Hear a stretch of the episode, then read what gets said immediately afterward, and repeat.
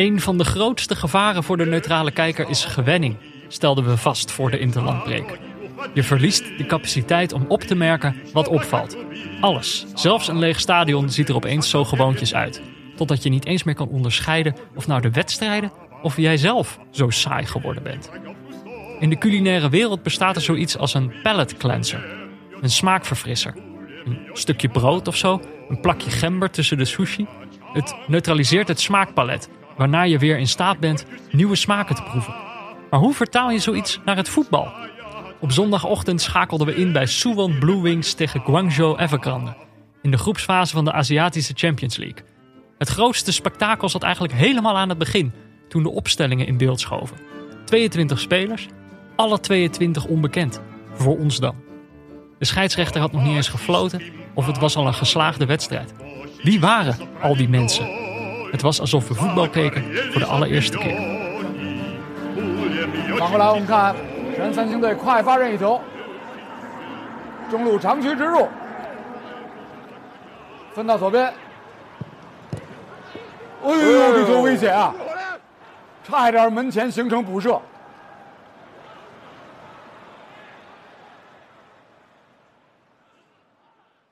Ja, Jordi?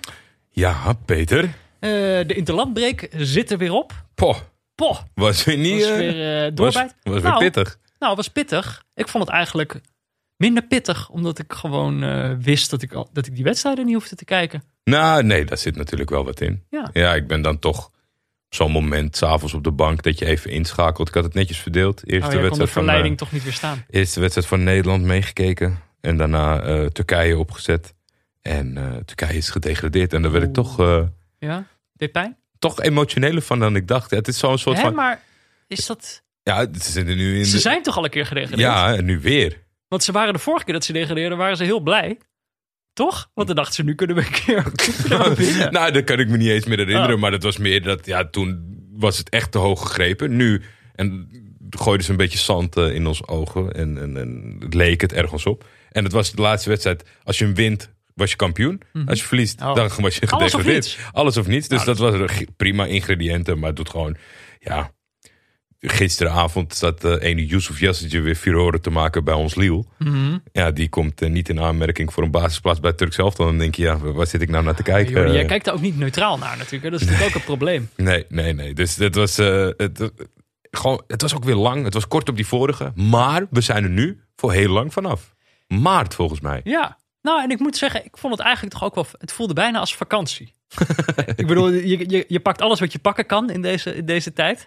Het Ja, voelde goed. echt alsof ik even op vakantie ging. We hebben natuurlijk ook met neutrale kijkers echt een uitstapje gemaakt. Ja, Wij, zeker. hebben, eh, wij zijn even... We hebben een uitstapje gemaakt naar een tijdloos onderwerp. Wij hebben, over, we hebben een special gemaakt over voetbalshirts. Heerlijk, dat is een uh, keer. super goed bevallen, toch? Niet zo gejaagd te zijn door de actualiteiten. Precies. nee, ja, was, eh, ik, ik, we gingen zitten.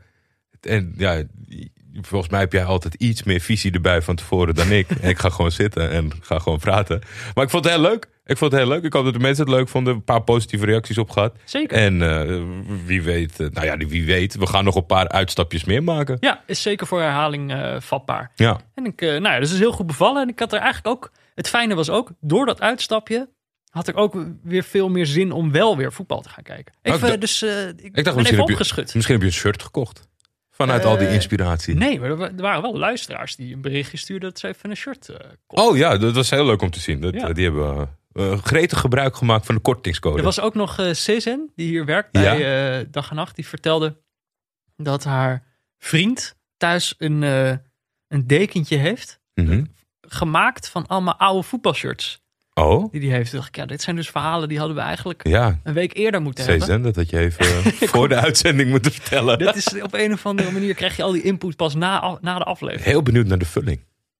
Ja, ik weet er ook het fijne niet van. Maar misschien dat ze, dat ze naar aanleiding hiervan dan weer daar een toelichting op kan geven. Eh, maar hoe heb jij de, de interlandbreek verder beleefd?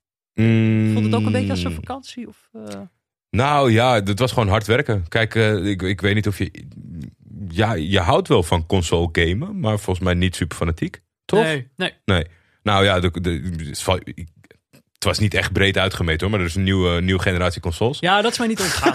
De nieuwe PlayStation is er. Ja, en daar hebben ze er volgens mij eh, eh, één per miljoen inwoners op ge- eh, gemaakt. En eh, dat is ideaal, want er zijn ook maar heel weinig mensen in geïnteresseerd. Dus dat gaat helemaal fout. Allemaal mensen pre-orders. Ik weet nog maanden terug, eh, want op de weg hier naartoe kom ik altijd langs de Game Mania. Ja. Toen kwam ik binnen, toen zei ik van, eh, weet je, ik pre-order nooit. Maar ik dacht, zal ik het doen?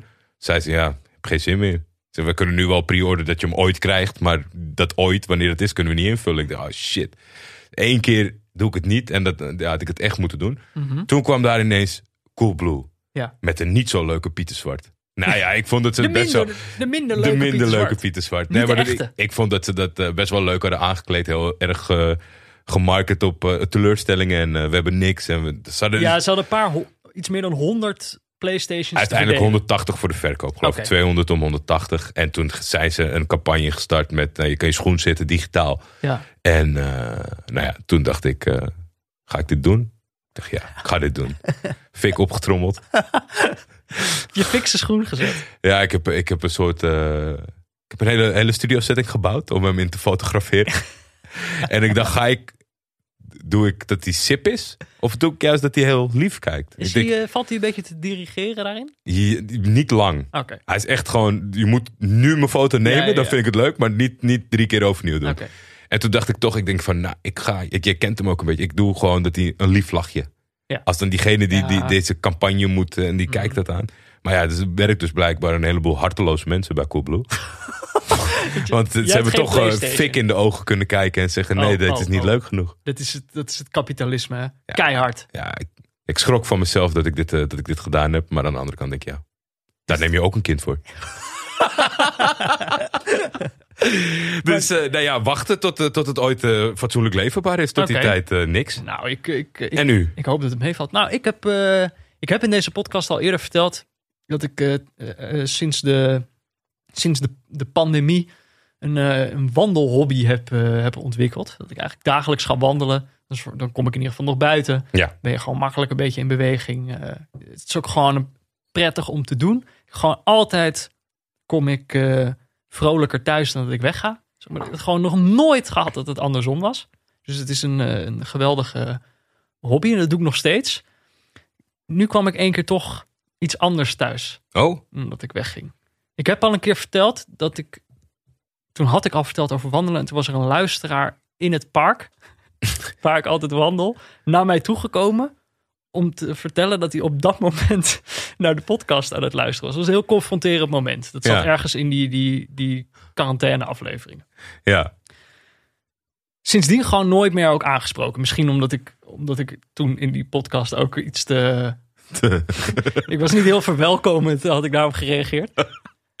Maar nu liep ik zo... En ik, ik, ik liep door het park en er loopt op een gegeven moment... Iemand loopt mij zo in tegengestelde richting voorbij en die zwaait enorm amicaal. En ik was gewoon in, in, In wandel. in eh, gedachten verzonken, koptelefoon op. Ik was, ik was mijn eigen podcast aan het luisteren of muziek of zo. En die zwaaide enorm amicaal. En de, de zon scheen in mijn ogen. Dus ik, ik keek nog net zo opzij. En ik zei wel nog net hoi terug, maar ik had geen idee wie dat was. Dus de rest van de wandeling door het park dacht ik, wie was dit? Ik had gewoon geen idee. Ik kon er niet opkomen. Het was zo'n gezicht dat me vaag bekend voorkwam. Ik dacht, zou diegene zich misschien vergist hebben? Dat die dacht dat ik iemand anders was. Dus ik zat de hele tijd te denken. En ik stelde me uiteindelijk gerust. Ik dacht, het maakt niet zo heel veel uit, want ik heb in ieder geval hoi teruggezegd. dus als het iemand was die ik wel hoorde te kennen, dan denkt diegene gewoon van, ah ja, ik heb, ik heb Peter gezien en die zei gewoon hoi terug. Ik kom thuis. Ik, eh, dan telefoontje erbij gepakt. DM op Twitter. Oh jee. Ik vind, ja, ik, ik zit vol spanning. Want ik weet, weet je, ik wil je wel onderbreken, maar ik weet gewoon echt niet waar dit naartoe gaat. Ik ben heel benieuwd. Jarro van de ploeg. Nee! Die stuurt mij een, eh een DM'tje. Die stuurt, ja, ik zwaaide misschien wat, eh, wat enthousiast, maar, eh, maar ik was het. En dan denk je, dat is fijn. Dan wist ik tenminste wie dat was. Maar toen kwam was het echte confronterende. Namelijk dat hij zei, ja, het was wel heel duidelijk dat je geen idee had wie ik was. Jarro van de Ploeg trouwens, eh, oud vijand van de show. Eh, Ja, maar ja, dat is natuurlijk een beetje wat... oud gast van de show. Inmiddels, we hebben een paar weken geleden hebben we een vriend van de show gemaakt. Maar ik moet nu dus, denk ik... Kijk, hij heeft mij op mijn kwetsbaarst gezien. ik dacht altijd dat ik redelijk goed mijn, mijn, mijn, mijn, eh, mijn gedachten kon verbergen. Dat, Ja. dat ik een goede acteur was. Maar hij heeft mij gewoon eigenlijk, ja, niet naakt, maar wel figuurlijk naakt. Figuurlijk naakt. Dus eh, kijk, ik weet dat hij net vriend van de show geworden is, maar misschien moet hij toch weer terug vijand eh, worden. Ik kan niet, ik, kan, ik vind het lastig om daar vrienden mee te zijn. Om dit, eh, Kijk, op zich een prima excuus, want ik heb hem nog nooit in het echt gezien. Dus het was niet gek dat ik hem niet herkende. nee. Hij is ook pas net terug uit Italië. Dus het was ook een beetje een soort ambush. Van, hé, hey, nu ben ik opeens in je park. maar dat was heel, heel confronterend. Maar wel, eh, nou ja, toch, eh, toch leuk om hem een keer in het echt gezien te hebben. Ah, het, eerste gedeelte van je vrouw was eh, een thriller. Ja. Je, zag, je zag aan mij hoe ik van houding veranderde. Ja, toen dacht ik, ja, de- als de punchline dan Jarl van de Ploeg is. Ja. ik moet ook, en misschien, misschien merkt de luisteraar dat ik een beetje teleurgesteld. Even kijken wat hij nou letterlijk stuurde. Want dat, ik bedoel, als ik, misschien als ik het hardop zeg, dat ik er dan... ehm, Je eroverheen kan zetten. Ja, even kijken. Want ik hoopte dus gewoon dat hij het niet zag. Oh nee, ja, het berichtje was meteen al... Je schrok van mijn uitbundige zwaaien in het park. Maar dat komt natuurlijk omdat je helemaal niet weet hoe ik eruit zie. Dat is wel, is wel weer vriendelijk. Volgende keer hou ik het gewoon bij een beschaafd hoofdknikje. Beloofd. Ja. nee, toen probeerde ik het nog helemaal... Probeerde ik mezelf nog te redden door allemaal excuses op te voeren. Maar dat was, ja, was natuurlijk al lang te laat. Zon in mijn ogen, ik zag het niet. Ja, heb ik je nog het nooit gezien. Ja, dat is allemaal stomme excuses. Zat er verder nog wat in onze brievenbus? In onze DM, even kijken. Jawel. Wat was het ook alweer? Ja, Adriaan André had ons gemaild. Oh ja, terecht ja. Eh, beste Jordi en Peter. In de laatste aflevering, ene laatste denk ik inmiddels. We hadden een Ah, kleine Gmail achterstand. Ons, onze, ja, en onze luisteraars luisteren het ook allemaal door elkaar. Dus eh, In de laatste aflevering hadden jullie het over de trainers die Michel Vorm eh, gehad heeft. En betere acteurs zouden zijn dan Mourinho. In Ja. het lijstje trainers vergat Peter de bondscoaches. Nou ja, ja, we zitten samen te praten, dus ook ben ik daar debet aan. Want Vorm heeft natuurlijk ook eh, veel op de bank gezeten naast Bert van Marwijk en Louis van Gaal. Ik denk dat we allemaal wel weten dat één van die twee een betere acteur is dan José Mourinho. Bert van Marwijk. Nou ja, als je zo, eh, eh, als je met zo'n gelaten mensenrechten kan wegkijken, dan ben je een. Precies. Ik wou net zeggen. Precies, je weet het niet, hè? Ja, ik weet niet. Is je broek laten zakken en eh, zeggen: dit zijn kloten, is dat acteren? Ik weet niet. Of Louis Nee, ik denk acteur- Louis van Gaal acteert gewoon helemaal niet. Nee, die is gewoon. Die is Louis. volledig zichzelf. nou, ja, ik weet het niet. Ik weet het niet. Ze zijn allebei eh, goede kandidaten. Beter dan eigenlijk die clubtrainers die ik op een rijtje had gezet. Dus dankjewel, eh Adriaan André. Yes. Dus toch die luisteraars. Kijk, die hoeven het ook niet allemaal live in de microfoon te zeggen. Maar die zijn wel altijd ad rem. Die Mhm. hebben wel altijd wel wat te melden. Leuke mensen. Ja. Voor groot deel. Groot Leuke deel. mensen, ja, ja, ja. Eh, zullen we het over de wedstrijd gaan hebben? Laten we dat maar eens gaan doen. Want eh, ja, de interlandbreak is voorbij. Wij gingen weer lekker een, eh, een wedstrijdje kijken. in, in een wereld waarin Willem II boksen in het stadion moet zetten om, om de spelers nog wat, wat stadiongeluiden te laten horen. Dat is toch, nou ja, het is goed dat iemand het probeert. Ik ook, dat vind ik ook. In die wereld keken wij naar Suwon Blue Wings tegen Guangzhou Evergrande. Ja, En het was eigenlijk omdat wij voor de interlandbreek vaststelden: dit topvoetbal is, is, is niet voor ons. We willen wat anders. Eh, we willen geen topvoetbal, maar leuk voetbal. En onze doelstelling was: we wilden avontuurlijker gaan kijken. nou ja, alleen, alleen het belanden bij Suwon Blue Wings tegen Jiangsu was al een avontuur op Ja. zich. Ja, want jij, hoe het ging is: we wisten het nog niet Nee. we gingen kijken. En uiteindelijk, eh, een paar dagen voor het weekend, ging jij mij via WhatsApp screenshots van de Livescore app Ja. doorsturen van wedstrijden. Misschien moeten we ze alle, want we hebben er meerdere geprobeerd. Ja, Maar moeten we even uitleggen hoe we bij Suwon Blue Wings terecht zijn gekomen. ik denk dat we als eerst gewoon eh, beide wel een soort van verliefd zijn geworden op het affiche Oriental Red Dragon Mhm. tegen Leixos. Leixões, ja, Leixos. in de Portugese beker. Ja. Is Orient, ja, dat is dus een Portugese club in de derde divisie. Die heet Oriental Red Dragon. Ja, en dat, dat, eigenlijk was het niet meer dan dat. Maar als je zo als club heet, dan is het, ja, dan is het gewoon goed. En ik was daar heel benieuwd naar. Ik weet dat Leixos eh, wel een ge- gerespecteerde eh, eh, profclub is binnen Mhm. het Portugese. Dus nou, dat kan dan alle kanten op gaan. Hetgene wat we gemist hebben is een, eh, is een, een bloedstollende 0-0. Met twee rode kaarten voor Leixos en penaltyreeks. Die Leixos met negen man Ja. even goed nog heeft gewonnen. Maar waarom we deze wedstrijd misten, was, het was zaterdag 12 uur werd deze wedstrijd gespeeld. Ja. Dus wij zaten dan klaar om te kijken of hij ergens uitgezonden werd. Maar ja, dat is dus een, je kunt ook te avontuurlijk willen kijken. Sommige wedstrijden worden gewoon helemaal niet uitgezonden. ik, ik weet ook niet waarom we altijd moeten overdrijven wat dat betreft. Dus je kan best wel avontuurlijk doen, maar je begint gewoon met eentje die in het wereld van, van livestreams. Wat gewoon echt, wat, wat je denkt, nou, alles wordt tegenwoordig Ja, uitgezonden. precies. pakte er een die er niet zat. Het was nog wel een ontzettende misser. Ik was net wakker. Het was vrijdag laat geworden. En ik stuur jou door. Ik dacht van, wow, Oreca. Maar dat was Oriental Lissabon.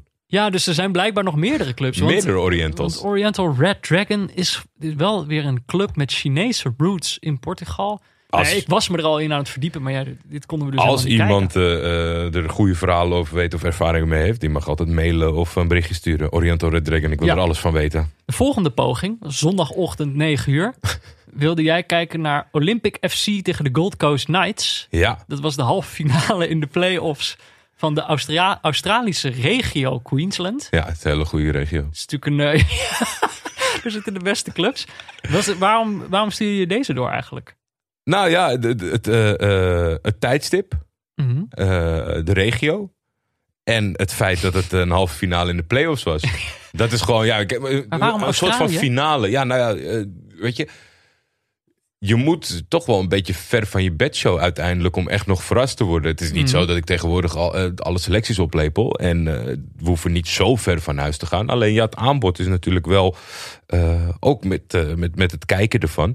Had ik nog binnen de Australische halve finales de verkeerde keuze gemaakt. Want er was dus nog een andere wedstrijd. Je werd wel, want deze, even voor de duidelijkheid, Ook deze werd ook niet uitgezonden. Zo diep in de krochten zijn we beland. Maar dat- las ik dus vandaag in die andere halve finale van de regio Queensland. Daar eh, was een prachtig verhaal. Ja? Keeper, 's ochtends getrouwd. Samen met zijn vrouw. Na de, na, de, na, de, na de ceremonie. Naar het veld. Keeper. 4-1 gewonnen. Naar de finale. Tegen eh, ja, wie heeft er gewonnen? Olympic FC. Ja, hebben die gewonnen? Ja. Nou, geweldig verhaal. Vrouw in een bruidsjurk langs het veld. Nou ja, mooi toch? Geweldig, maar dat hebben we allemaal moeten missen. Ja, helaas. En, maar wat we wel hebben gezien, dat was eh, later die zondagochtend. 11 uur stond er op het programma Suwon Samsung Blue Wings tegen Guangzhou Evergrande Taobao FC. Taobao is dat ook net als Samsung? eh? Geen idee. Nee, oké. Geen idee. Ik, dit zijn gewoon Ze de zijn niet vies van, eh, niet vies van eh, sponsor eh, dingetjes. Nee, het is een affiche in de Aziatische Champions League. Die eigenlijk eh, pas net begonnen is. Ja. Eh, ja, de A- Asia Champions League heet die dan. eh, volgens mij niet eens officieel. Al een paar keer van format veranderd door de jaren heen. Ja, maar dit is wel, wel het equivalent van, van Ja, wat in ja, ja. Europa de, de Champions League is. Dus ze zijn net begonnen. De groepsfase is net begonnen. Dit is groep G, als ik het goed heb. ja, klopt. Ehm, ja, waarom kozen we deze wedstrijd eigenlijk? Gevoeletje. Gevoel, hè? Want er, was nog, er waren nog wat andere wedstrijden die we ook hadden kunnen kijken. Maar het is dus een Koreaanse club tegen een Chinese club. Ik dacht, normaal gaan we dan nu steeds eh, onze vooroordelen proberen uit te leggen. Zodat Ja. je een beetje weet eh, met wie je te maken hebt als we over die wedstrijd praten. Maar ja, over deze ploegen hadden we natuurlijk niet echt vooroordelen. Want ik, we kenden ze gewoon nog niet echt. Hooguit van naam. Ja, ik denk dat dat wel onbewust is ook doorgecijpeld. Omdat het natuurlijk best wel eh, grote clubs zijn Ja. binnen de regio. Dus dat zijn gewoon eh, toch wel clubs, denk ik, waarvan de naam va- vaak gevallen is zonder dat je het echt door had. Want, Ja, maar ook gewoon in, alleen de naam. Dus verder gewoon ook niks weten. nee, Maar ik dacht daarom eh, even gewoon opzoeken, gewoon wat feitjes over de club. Zodat we, ze, zodat we het even kunnen neerzetten. Maar zal ik dan beginnen met de Samsung, de, de Suwon Samsung Blue Wings? doe maar. Koreaanse club. Ja. Opgericht in 1995. Oh, wat een broekies. Ja, die Broekies. staan nog niet zo lang. Je zegt, die, die club is jonger dan ik. Eh, viermalig kampioen in de, in de K-League. Nou, dat kan ik ze dan weer niet... Drie jaar eh, na oprichting. Ja, 1998, 1999, 2004 en 2008. Ja. Het lijkt erop dat ze zich voor deze Champions League hebben geplaatst via de Koreaanse FA Cup. Die hebben ze namelijk vorig jaar gewonnen. Want in de competitie zijn ze achtste geworden. Ja. En ik moet zeggen, ik ben niet helemaal thuis in de K-League. Dus ik weet niet of er daar nog play-offs zijn, hoe ze zich hadden kunnen plaatsen. Of, maar ik, ik neem aan dat ze via de, de Koreaanse beker zijn geplaatst. In het Koreaanse Wembley, de finale. Absoluut. Ja, daar wordt hij gespeeld dan, hè? Want het zijn allemaal de. Nou ja, ze hebben de laatste twee edities van de oude opzet van de Aziatische Champions League gewonnen. Dus toen het nog enkel voor de landskampioenen was. Dus de laatste twee edities, 2001 en 2002, wonnen zij die competitie. Nou, toen dachten ze blijkbaar, we moeten dit op een andere manier eh, inrichten, eh, deze competitie. Dus toen mochten ook niet-landskampioenen meedoen. Toen hebben ze geen één keer, of nee, één keer gewonnen. Nee, geen één keer. Ze waren verliezend finalist in 2004. Toen hebben ze verloren van Al Ittihad. Oeh, Al Ittihad in 2004, dat, was, eh, dat was een ploegje hoor. Ja, ze hadden al een eh, wedstrijd gespeeld in deze groep G tegen Vissel Kobe Uit Japan. uit Japan. 0-1 verloren. Verder had ik nog wat bekende oudspelers opgezocht. Lee Woon Ja, Mhm. die ken je misschien nog wel, keeper. Eh, 133 interlands. Dan eh, moet je hem vast een keer gezien hebben. Ja, Ja, 133 moet toch- interlands, dat Ja. is ook een keer tegen Nederland geweest. Precies. Dus die, eh, die was onder andere speler van de Suwon Blue Wings. Maar ook, en die stond dan bijvoorbeeld niet op de Engelse pagina, maar wel op de Nederlandse pagina. Romeo Kastelen. Ja, Die heeft vijf wedstrijden gespeeld voor de Suwon Blue Wings. mij helemaal ontgaan, eh, to 2016. be quite honest. Dus eh goeie voor een quizje, Ja. Romeo Kastelen. Nog verder nog een paar andere feitjes. In een logo hebben ze een aantal vleugels staan. Mhm. Eentje is blauw, dat is dan de Blue Wing. Eh, the wing in the top of the crest symbolizes the Suwon Samsung Blue Wings football club's will to rise to the top and emerge victorious by speedy and dynamic gameplays. Dus die hebben gelijk in hun logo zitten de identiteit van de club. Gaan we, Snel zo, en eh, gaan we zo vertellen of dat eh, ook naar buiten komt. En toch eventjes dacht ik ook even opzoeken hoe, hoe de mascotte heet. Alleen zijn naam, hè? Want dan, anders dan kan ik mensen morgen niet verrassen.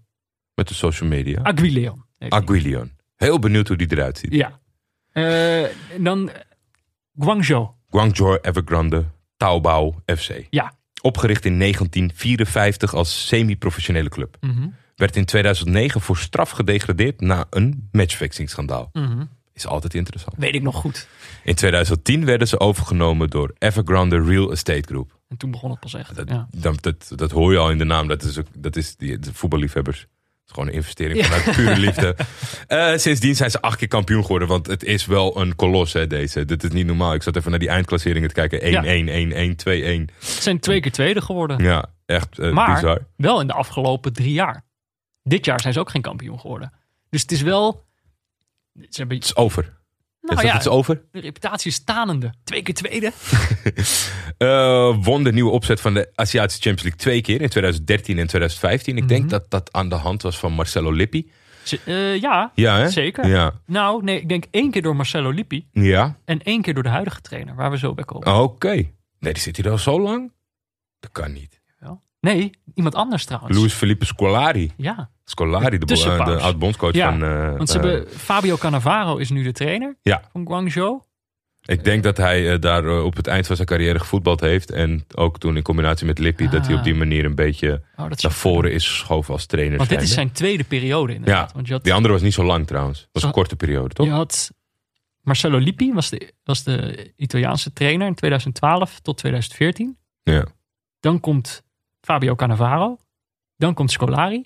En dan komt Cannavaro weer terug. Komt hij weer terug. En dat is in, Geld was op. in, twee- in 2017. En is dat nou allemaal zo knap om alles te winnen... als je spelers kan opstellen als Coutelje? ja, maar die heeft daar wel gespeeld. Ja, en eigenlijk denk Eén ik gewoon... seizoen. uitstekend. Ook om te laten zien aan. Je kan gewoon eh, eh, een soort van financiële zekerheid. eh, voor, voor financiële zekerheid gaan in de rest van je leven. Als je er verstandig mee omgaat. En dan ook nog terugkeren. Want de meeste mensen zijn altijd bang dat als je naar Ja. zo'n land gaat. dat je niet kan terugkeren. Ja, maar hij of niet staat aan nu het bij einde van je carrière naar de zandbak of naar Ja. China. Maar inderdaad tussendoor even een jaartje of Verder prachtige namen. Alessandro Diamanti. Alberto Gilardino heeft er even gezeten. Robinho. Paulinho zit er nu nog steeds. En alle andere sterren van nu gaan we het zo vast wel over hebben. Wat echt dramatisch was, was Jackson Martinez. Ja. De oudspits van Porto en Atletico Madrid. Die moest daar naartoe voor 42 miljoen geloof ik. Mhm. Die kon daar niet aarden, die kon daar niet scoren. Was volgens mij ook geblesseerd. Ja, wat ze die uiteindelijk omgerekend per minuut hebben moeten betalen. En die zit nu ook volgens mij... Volgens mij is hij nu clubloos. En zat hij de afgelopen twee seizoenen bij Portimonense of zo. Ja. Ja, dat is echt... de clubs, die clubs daar kunnen dat. 42 Want die miljoen en dan je ruïneren. afschrijven. Verhuren naar uh, Portimonense. Eh, dan groep C. Ja, jij had het al gezegd Nee, natuurlijk. ik wil nog één dingetje Oh. weten. Hoe heet Oh. de mascotte van Guangzhou? Vergeet ik mijn eigen gimmick. Sea Tiger. Zo, Sea Tiger. ja. Maar hoe ziet hij eruit? Ja, de- de- Als je ons volgt op Instagram, precies. weet je dat binnen, zeer binnenkort. Eh, en als je, ja, voor mascotte memes kan je ons volgen. Of gewoon foto's van mascottes. Maar ja, dit is inderdaad groep G van de Aziatische Champions League. Ehm, eigenlijk zou deze groep vier ploegen hebben. Maar de Maleisische kampioen Johor Darul Takzim... Ja. die hebben van hun plaatselijke GGD geen toestemming gekregen om, eh, om af te reizen naar Qatar. Daar wordt trouwens, hier hebben ze eigenlijk hetzelfde gedaan als eh, bij, de, bij het afronden van de Champions League van 2019-2020. Eh, toen werd dat allemaal in Portugal gespeeld en hier doen ze het dus allemaal in Qatar. Die heeft hun een soort veilige Veilige Bubbel. haven. bubbel ge- ge- gegund om die wedstrijden te spelen. Maar ja, eh Maleisië is, is vrij streng. Die ploeg mag niet eh, uitreizen. Die mag niet. Ik weet niet wel weg. dat als het adviesje Johor Darul Taksim versus Vissel Kobe was geweest, Mhm. dat ik denk dat ik jou die kant op had gestuurd. Ja? dat denk ik wel. De Maleisië is kampioen. Nou ja, Ja. ik weet niet hoe goed ze zijn. Maar inderdaad, dus eigenlijk daardoor heeft deze groep. eh, het heeft wel gevolgen voor de, voor de drie ploegen die nog wel mogen afreizen naar Qatar. Eh, want samen met Vissel Kobe zijn dit dus drie ploegen in deze pool. Waardoor ze allemaal zes wedstrijden spelen in totaal. En daardoor is het ook het geval dat deze wedstrijd die wij keken. Vier. voor. Oh, sh- shit. Maakt niet uit. Live. Nee, maakt, Maakt niet niet uit. Oké. Ik, ik zat gelijk. Ik ben, dit komt door Jarl. Ik, er is een soort. eh, ik heb een soort open wond. Zet je eroverheen. Vier wedstrijden hebben ze te gaan, allemaal. Ja, maar dat betekent dus ook dat Suwon had al een wedstrijd gespeeld voor deze wedstrijd. Namelijk, die hadden verloren van Vissel Kobe met 0-1. Maar voor Guangzhou is dit de eerste wedstrijd. En eigenlijk voor Suwon is het dan het geval. Je moet eigenlijk nu wel winnen. Anders dan heb je van allebei de ploegen eh, verloren bijvoorbeeld. Eh, en dan is het zo goed als klaar. Of je moet dan nog, nog twee keer winnen en wat geluk hebben. Want er gaan alsnog wel twee. Er gaat, wordt maar één ploeg uitgeschakeld. Maar het is wel lastig om daarbij te zitten. Lastig Terwijl- om erbij te komen. Ja, sowieso. Terwijl eh, Guangzhou, die kunnen denken van nou, we beginnen net. Ik bedoel, het is een andere, ander begin. Nee, ja, het is met, de, de inzet is, eh, is anders. Ja. En dat, dat zouden we terug moeten zien op het En veld. eigenlijk ook, ik bedoel, als je dan de kolos uit China tegen de, tegen de bekerwinnaar, weet je de nummer 8 van Korea. Ja, dan moest dacht je van tevoren, weet je wel, voor zover je dat kan inschatten als neutrale kijker uit, eh, uit Nederland, dacht je, Suwon eh, moet flink aan de bak. Ja, ik geef het Park. Koen Haat te doen, de coach van eh Suwon. Ja, nou ja, zeker. En ik bedoel, wat ik zei in de introductie is, die opstellingen komen in beeld. En eigenlijk was ik daar meteen, ging, er ging iets aan bij mij. Misschien was het gewoon dat we heel even eruit waren geweest met die interlandbreek. En dat ik gewoon zin had om weer een keer samen met jou een wedstrijd te kijken. Of zo. Maar ik Nou, meteen- meestal, meestal, ik merk dat, meestal schrijf ik gewoon eh, de, de opstellingen uit. Ja. Een beetje als geheugensteuntje voor ons. Maar nu dacht ik, ga screenshotten. Ik ga met, met, met Ja. als de brandweer screenshotten. Want ja, het blijft gewoon eh, eh, alleen al, al ontwennig. En ik moet al gelijk echt een, een, een spectaculair compliment maken voor de, voor de interesse en, en, en, en kunde van, de, van het commentaarduo. Want eh, het, het commentaar eh, het werd uitgezonden op de Australische televisie. Mhm. En nou, ik vond dat echt wel. eh, ik vond dat je het wel een beetje kon horen, zeg maar. Van dat ze het ook wel spannend vinden. Het commentaar geven bij, bij zo'n duel. Maar echt perfect. Perfect. En dat, dat, dat was alleen al de intro. Toen moest de wedstrijd nog beginnen. Ja, maar wat, eh, wat dacht jij verder van deze wedstrijd? Wat, ho- wat hoopte jij dat we zouden gaan zien? Want het is zo, Mm. dit is zo anders. Als je City Liverpool aanzet, heb je daar eigenlijk al, heb je het daar helemaal niet over. Dan heb je allemaal automatisch al verwachtingen. Ja. Terwijl hier was het echt gewoon van, ja, maar wat, waar gaan we eigenlijk naar kijken? Nou, als ik heel eerlijk ben, heb, heb, had ik eigenlijk. Ik wilde me gewoon laten verrassen. En ik hoopte op een, op een eh, leuke ochtend slash middag qua voetbal. Omdat ik, eh, ja, eerlijk gezegd, kijk, ik heb het niet gezien. Ik weet dat op Twitter toen eh, het grote geld ontstaan, kwam bij, bij China. Dat Jimmy Dries daar eh, een twitteraar interesse in had en wel eens wat liet zien. En Burak Yilmaz had er even gezeten. Nou, jij weet eh, waar Burak is, dat kijk ik. Maar dit, eh, dit ging, me- was me af en toe qua tijden eh, te ongunstig. Dus ik, ik, ik heb er gewoon niet echt een beeld bij. Ik- dit- en ik denk dat we na een kwartiertje schreef ik als eerste mee in ons, eh, in onze shared notitieblokje. Dat ik vond dat we eigenlijk nog steeds naar, naar een soort van leercurve aan het kijken waren. En daar bedoelde ik een beetje mee. Dat was een hele open openingsfase. Alleen mijn gedachte bij eh, eh, landen. Ja, hoe moet, hoe, hoe moet je dat. eh, ik weet niet eerbiedig zeggen. Het is, het is in ieder geval niet. Het is niet de nummer één sport vaak in de landen. Ze Nee. willen dat wel heel graag. Ze zijn ook echt wel voetbalgek. Dus dat blijf ik vreemd In vinden China, van is, China. Het een, is het een enorm project, als je dat van buitenaf mag geloven. Ja, Die hebben daar enorm in geïnvesteerd. Dus die, die, die clubs die al die spelers gaan halen, dat is onderdeel van een heel project om ook jeugd aan het voetballen te krijgen. en, en, En we Dit is weten. tien jaar geleden, die boom. We Dus weten eigenlijk zou je verwachten dat nu een beetje We weten allemaal dat ook, eh, eh, het is een hele belangrijke afzetmarkt. Dus de interesse is er, zeg maar. Alleen wat ik vind dat je mist op het veld, eh, ook als we hier zaten te kijken, is intuïtie. Die, die, je ziet heel erg twee teams die aan het laten zien zijn wat ze aan het leren zijn. Snap je een beetje wat ik bedoel? Ja, Keurige opbouw, het willen inspelen, maar er gebeurt bijna niks op intuïtie. Alles is eh, volgens het boekje en proberen eh, toe te passen wat je deze week geleerd hebt of de afgelopen maanden geleerd hebt. En dat, is heel gek om te zien. Maar dat denk jij te zien, toch? Nou ja, ja, Ik bedoel, eigenlijk is City Liverpool is dat ook. Er zit- zitten ook allemaal. eh, ja, maar dat is toch. We, we kijken toch veel meer. als je naar een reguliere wedstrijd, als je het vergelijkt, tenminste, dat vond ik het, het, het echt opvallen. Mensen doen toch veel meer op intuïtie. Kijk, het worden wel steeds meer machines in box-to-box en, en gewoon eh, Mhm. gegenpressing en afschermen en dat soort dingen. Maar het is gewoon nog steeds wel van. Oh, ik weet nu dat de linksback uit mijn rug kan lopen, dus ik geef hem blind en dan loopt hij daar waarschijnlijk. En dat stukje van de invulling daarvan, ja. dat zie je niet. Nee, ik kan me ik. wel iets bij voor. Ik bedoel, kijk, uiteindelijk was het niet het spel zelf. eh, wat enthousiasme in me aanwakkerde. Maar toch vond ik het, eh, vond ik het heel leuk om te kijken. Maar Ja. het was uiteindelijk, hoe ik denk dat het komt, is. Dat zag ik eigenlijk pas aan het einde van de wedstrijd. De wedstrijd was afgelopen en ik keek naar mijn, eh, naar mijn browser. en ik had gewoon allemaal tabbladen openstaan. Ja, Omdat iedere speler die in beeld komt, die ken je nog niet. nee. En wil je toch eigenlijk weten, wie is dit? Wie, naar wie zit ik eigenlijk te kijken?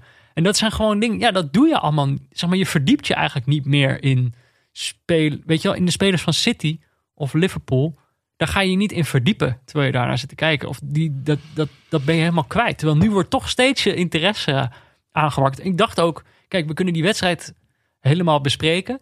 Maar daar moeten we gewoon heel eerlijk over zijn. Er is niet superveel gebeurd. Nee, in de eerste helft was het eh, rustig. Was het, eh, was het zeer kalm. Ja, Eh, maar dacht ik, kunnen we misschien wel even een paar van die tabbladen afgaan. ja en dat is gewoon wat goed. spelers noemen Dat die ons goed. zijn opgevallen. Toch? Ja, Want ik had gelijk... Oké, zal ik dan beginnen? het, eh, de nummer 7. Ik had de nummer 7 van Guangzhou. Ja, eh, linksbuiten.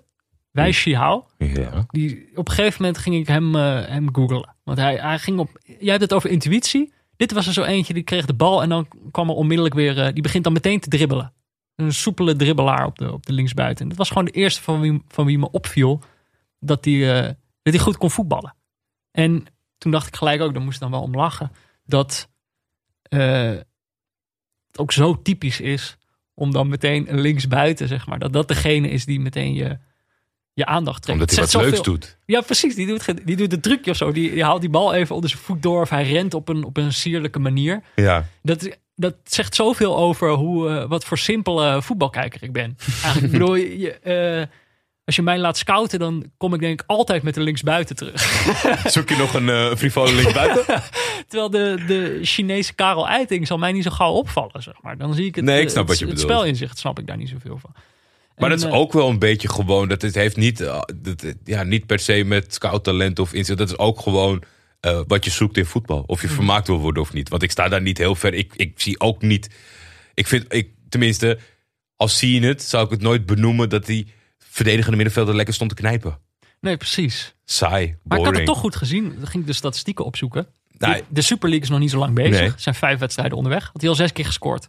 En in totaal eh, heeft hij als linksbuiten toch ook al 23 keer gescoord. 12 assists gegeven in 45 wedstrijden voor Guangzhou. Het was toch een van de smaakmakers. Ik ben benieuwd eh, wat, dan, de- wat dan de maatstaf is voor eh, Europese clubs of, of, of, of Ja. andere landen. Om te zeggen van zeg maar waar de cijfers scalen. Weet je, in Nederland Mhm. is het op een gegeven moment eh, gigantisch gedevalueerd. Dat elke keer die topscorer naar het buitenland ging en dan flopte. Dus dan denk je, ja oké, 25 doelpunten is heel knap. Maar het is Nederland. Dus hoeveel zijn dat er eigenlijk? Ja, ja. Vijf. Dus dan moest je op een gegeven moment 40 keer gaan scoren. Zoals Suarez dat het een keertje... Ja, want dat is eigenlijk ook wat je steeds doet met die spelers. Is dat je telkens gaat opzoeken. Zit er eentje tussen die ik had kunnen kennen uit een periode in Europa, Ja, bijvoorbeeld. Ja, dat is en dit- bij mij. eh, eh, ik had vooral voor de wedstrijd. eh, Ricardo Goulart. Dat leek mij nou echt een speler. Leuk om eens een keer te zien. Als je, als je zijn statistieken ziet. Mhm. Nou, dan, dan. Ik had nog nooit van de beste man gehoord. Het is een Braziliaan. Braziliaan. Van 153, 153 wedstrijden. 103 doelpunten en 53 assists. En Ja. dat is dan nog waarschijnlijk eh, exclusief de beker. Omdat ze dat misschien online niet helemaal goed durven. Dus dat is gewoon een fenomeen Ja. waar ik tot aan de dag van vandaag niet van gehoord had. Maar ja, hij stond er niet tussen. Dus ik, eh, eh, daar baalde ik van. Dus dat was voor mij een tapje voor de wedstrijd. Maar er was nog een andere die opviel. Ja. Die, die schreef jij ook op. Eh, Thias Charles Browning. Ja, ja, klopt ja. Dat, dat, dat- ja. Dit was Ik een naam die ik volgens ge- mij eerder voorbij had zien komen. Al ooit op Twitter of zo. Het is, eh, het is een jongen waarvan zijn opa eh, Chinees is. Mhm. En daardoor eh, eligible was voor de Chinese nationale ploeg. En ook blijkbaar, nou ja, nog eerder dan Goudelje de stap heeft gemaakt naar het Engels voetbal. Hij komt uit de jeugdopleiding van Everton. En Oh. is volgens mij een korte periode verhuurd geweest aan Wigan. Gewoon jeugd in, in, in, interlands gespeeld voor Engeland zelf. Eh, alleen op een gegeven moment eh, eh, naar Guangzhou gegaan voor een, een, een oké bedrag, 4 miljoen of zo. Dat de club dacht Ja. van nou oké, en hij wilde daar naartoe. Ik denk dat hij uiteindelijk ook voor de Chinese nationale elftal gaat spelen. En ja, het, het, Het is een centrale verdediger. Vreemde, vreemde eend in de bijt wat dat betreft. eh, wat, eh, ja, is gemixt, zeg maar. Dus wel gewoon de Chinese naam, maar niet het uiterlijk zoals de rest van, de, van de jongens op het team. Ja. Maar hij viel wel positief op. Ja, moeilijk, te moeilijk neer te zetten, zeg maar, op... Maar ik denk wel dat het binnen het Chinese voetbal een hele grote kan worden. Dat durf je wel te zeggen. Verder schreven we nog op Liu, Liu Jianzhou. Dat was de, de, de keeper van Guangzhou. Ja, Die kwam, eh, die kwam heel ver uit. Was echt een sweeperkeeper. ja die, Die had ik ook nog, wel, eh, ook nog wel in de tweede helft eh, genoteerd, denk ik. Want die, die, die was echt goed. Ik vond hem echt een paar hele belangrijke saves maken. Het straalde heel veel rust uit. Het is niet de eerste keeper van China. Nee? Nee, tweede keeper. Hij, had, hij volgens mij Hoe goed is die eerste dan? Ja, nee. dat Deze was echt goed. Ja, nee, dat weet ik niet. Nou, hij heeft een paar interlands gespeeld, maar dat was dan omdat die andere... Hij heeft er drie had. gespeeld. Geblesseerd was. Is hij jong? Nee, 30. Nou, dat zag je, ervaren rot. Ja, ervaring. Nou ja, maar een goede keeper dus. Ehm, maar verder valt er dus inhoudelijk niet superveel te zeggen over deze wedstrijd. Ik denk uiteindelijk de kansenverhouding was meer kansen voor eh Suwon. Ja, Waren ook echt meer aan het aanvallen. Eh Guangzhou keek het gewoon nog wel een beetje aan, had ik het gevoel. Dat is zo gek. Het zag er wel uit alsof Suwon de betere ploeg was. Of zo. Of die, die waren gewoon meer aan het voetballen. Die probeerden meer. Maar eigenlijk steeds als ze in de, de final third kwamen, ja ik snap wat je bedoelt. Ja. dan ging het steeds mis. Ja, en ook, ook een soort van air over dat Guangzhou dat zij dan toch de betere zijn. Ja, dat, Ondanks is, dat je, en ze waren ook, die paar kansen die er wel waren, waren mega gevaarlijk. maar dat is zo gek dus. Het, spel, het spelbeeld gaf niet per se aanleiding om te denken dat Guangzhou veel beter was. Maar je ziet dat dan toch aan alles. Ja, Elke keer als er een speler doorbrak, die verdediger, ze leken sneller, ze leken sterker. En het, is dan toch, het zijn allemaal profvoetballers. Deze jongens, eh, hun werk is allemaal voetballen. Maar dan toch op een of andere manier kan een ploeg puur door uitstraling ook laten zien hoe goed ze werkelijk zijn. Dat viel me toch op. Ik bedoel, ik wist wel dat dit de nummer 8 van Korea was. En dat de andere de, de gedoodverfde kampioen van, van van China is. Ja. Maar ja, dat zie je dan toch ook wel gewoon aan het spel. Ondanks dat ze stonden niet voor. Het stond 0-0 bij rust. 0-0. En eh, nou ja, Guangzhou snap je dat, dat, je, dat ze op die manier die wedstrijd ingaan. Ik bedoel, die beginnen net aan deze Champions League. Die kijken wel even wat, eh wat. Suwon eh, kan brengen.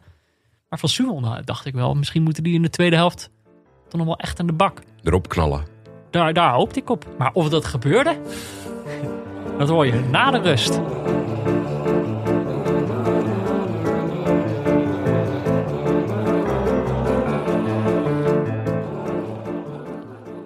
Ook deze aflevering van Neutrale Kijkers wordt mede mogelijk gemaakt door Auto.nl. Eh, op de website van Auto.nl, dat is www.auto.nl. Ja. Daar garanderen zij nooit meer een miskoop. Nou, eh Jordi, we zijn alweer een stukje onderweg in het seizoen. De transfermarkt gaat al bijna weer open. Ja, Ze is, gaan eh, al bijna weer miskopen doen. Met bakken inderdaad. Ja, dat is toch... Maar we zitten nu ook misschien een beetje op het moment dat ploegen zelf ook spelers gaan afschrijven. Weet je wel, je, bent- je bent 10, 15 wedstrijden onderweg. En dan kom je er gewoon wel achter van, ja, deze jongen, het wordt hem niet. zit, nee, ja. Zo snel zijn ze met oordelen. Dus dit is misschien wel het moment waarop de, de miskopen pas echt eh, terechtkomen. Snap je? ja, Maar ik had nog even een paar andere dingen opgezocht. ik ben eh, heel benieuwd Er is eh, namelijk, deze week. kijk, transfervrije spelers kunnen natuurlijk nog steeds eh, worden binnengehengeld. Rajiv van La Parra, Ja, voor Nederlanders een bekende naam.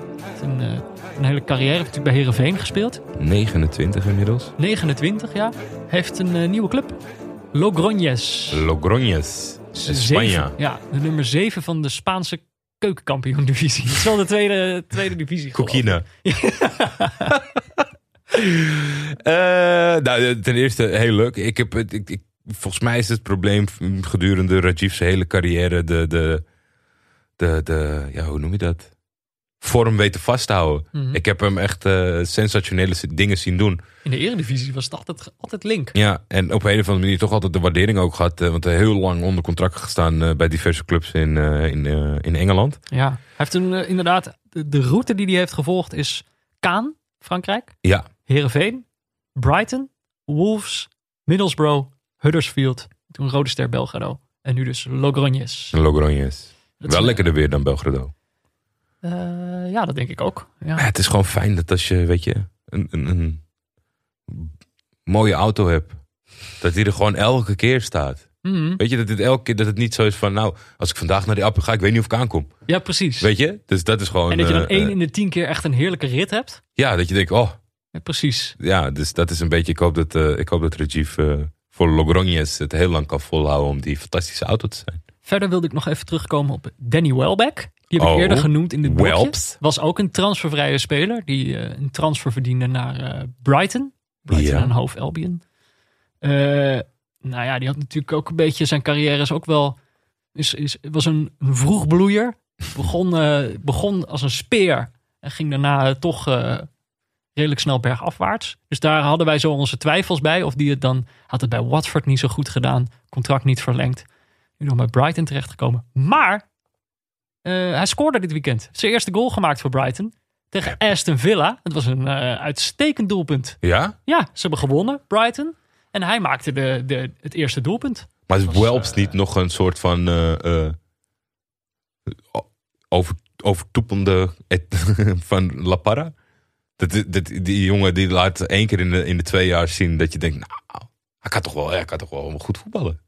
Ja, dit dat wel heel, eh, weet je, bij hem zijn de tussenposes wel echt enorm. ja. Maar ja, in ieder geval hartstikke leuk voor hem. Maar om nou te zeggen van dat hij misschien niet als miskoop moet worden, uiteindelijk één goal. Volgens mij heeft hij nu al net zo vaak gescoord bij Watford. Mo- moet je me niet op checken. Moet je me niet op kapot checken. Maar eh, volgens mij wel. En ik moet nog even, ik moet mezelf even rectificeren. Ja. Want toen ik het had over Welbeck, toen had ik het ook dus had ik het over wat ik dacht dat zijn goal celebration was. Toen had ik het over de robot. Maar de robot, dat is helemaal niet Danny Welbeck. Dat is Daniel Sturridge. en die zijn dus heel lang, kwam ik op dat moment achter, dezelfde persoon geweest. In jouw hoofd. In mijn hoofd. Een beetje zoals eh, Adam Sandler en die andere gast. Wie is die andere gast? Ben Stiller. Die waren ook heel lang in mijn hoofd dezelfde gast. Terwijl, tuurlijk, dat is niet dezelfde gast. En Danny Welbeck en Daniel Sturridge zijn ook niet dezelfde gast. Nee, Maar ergens snap je ook wel waar het waarom vandaan ze, kwam. waarom ze op dezelfde plek zitten in je hoofd. Daniel het. Sturridge ook vroegbloeier en daarna gewoon... eh, Ja, confronteert het voor mij ook weer. Dat ik, ik laat het ook weer allemaal gewoon passeren. Ik knik ja en lach en eh, we gaan weer Ja. door. Ja, ik maar ik ben, er, ik ben er door niemand op gerectificeerd. Ik, ik, toen ik erachter kwam, Gewoon nu allemaal zonk, mensen thuis. Hé, twee verschillende mensen. Googelen. Welbeck. Sturridge trouwens ook eh, die, een speler. Als dat een auto was geweest, had je die niet kunnen kopen bij Auto.nl. Want die Speelt doen nu niet in aan Turkije. miskoop. die speelt nu in Turkije. Ook niet meer. Nee? Ook niet meer. Nee, nee, nee. Zelfs dat niet meer. Nou ja. Eh, maar mocht je nou een, eh, dit soort situaties willen voorkomen. Want die twijfel, kijk, tuurlijk, Welbeck heeft gescoord. Maar die, die twijfel of iets een miskoop is of niet. Die heb je niet bij auto.nl. En Nee. dan even kijken, dan moet je gaan naar www.auto.nl Slash. slash neutrale kijkers. Het is echt een geweldige pagina. Weet je wat ik heb met die, met die schermen? Nou, Het is alsof ik. eh, alsof je op bezoek bent in de gevangenis en dan met iemand moet praten. Maar ik weet niet of. of elkaar of jij, horen. Of, nee, of ik dan in de gevangenis zit of jij. Een van ons. Wie, wie is op bezoek? Geen idee. Ja, qua achternaam. Ja, mij laat ze overal mee wegkomen. Dat zal wel weer. Oké. Tweede helft. Begint meteen met de kans voor Subon. Ja. Weet je, ik keek daar natuurlijk eh, verlangend naar uit. Ik dacht, eh, nu moeten ze. clashen erop. Ja, nu, ze moeten wel. Eh, en ik dacht, dit zou wel eens een voorbode kunnen zijn van een spannende tweede helft. In de rust heeft, eh, moet ik toch zijn naam maar even terugzoeken, Park Koen Ha. Donderspeech. donderspeech van jongens, u moet nu. Anders kunnen we de Champions League wel vergeten. Ja, nee. Maar ja, nee. Nee, niet Het uiteindelijk hele niet. verhaal uiteindelijk van deze wedstrijd is gewoon net niet voor Subon. Nee, echt net niet. Gewoon alles gaat goed, maar dan de, de, het laatste onderdeel. Ja. Daar, daar, daar sloeg op een of andere manier. Nee, af. het, is gewoon, het, gewoon echt een, het kwam tekort. En, en Guangzhou had net niet de motivatie genoeg om het af te straffen. Uiteindelijk, denk ik. Mhm. Want die blijven een beetje zo timide eromheen huppelen. En terwijl ze, wat je zegt, eh, voelbaar eh, qua uitstraling en qua klasse iets beter, of tenminste een stuk beter zijn. Of, of indrukwekkender, of op, op een of andere manier. Zoals ze er echt voor zouden gaan. Stel dat dit niet de eerste wedstrijd was van de groepsfase, maar een, een, een, een ronde die beslissend is. Ja. Mag ik toch hopen dat we wat anders zouden zien.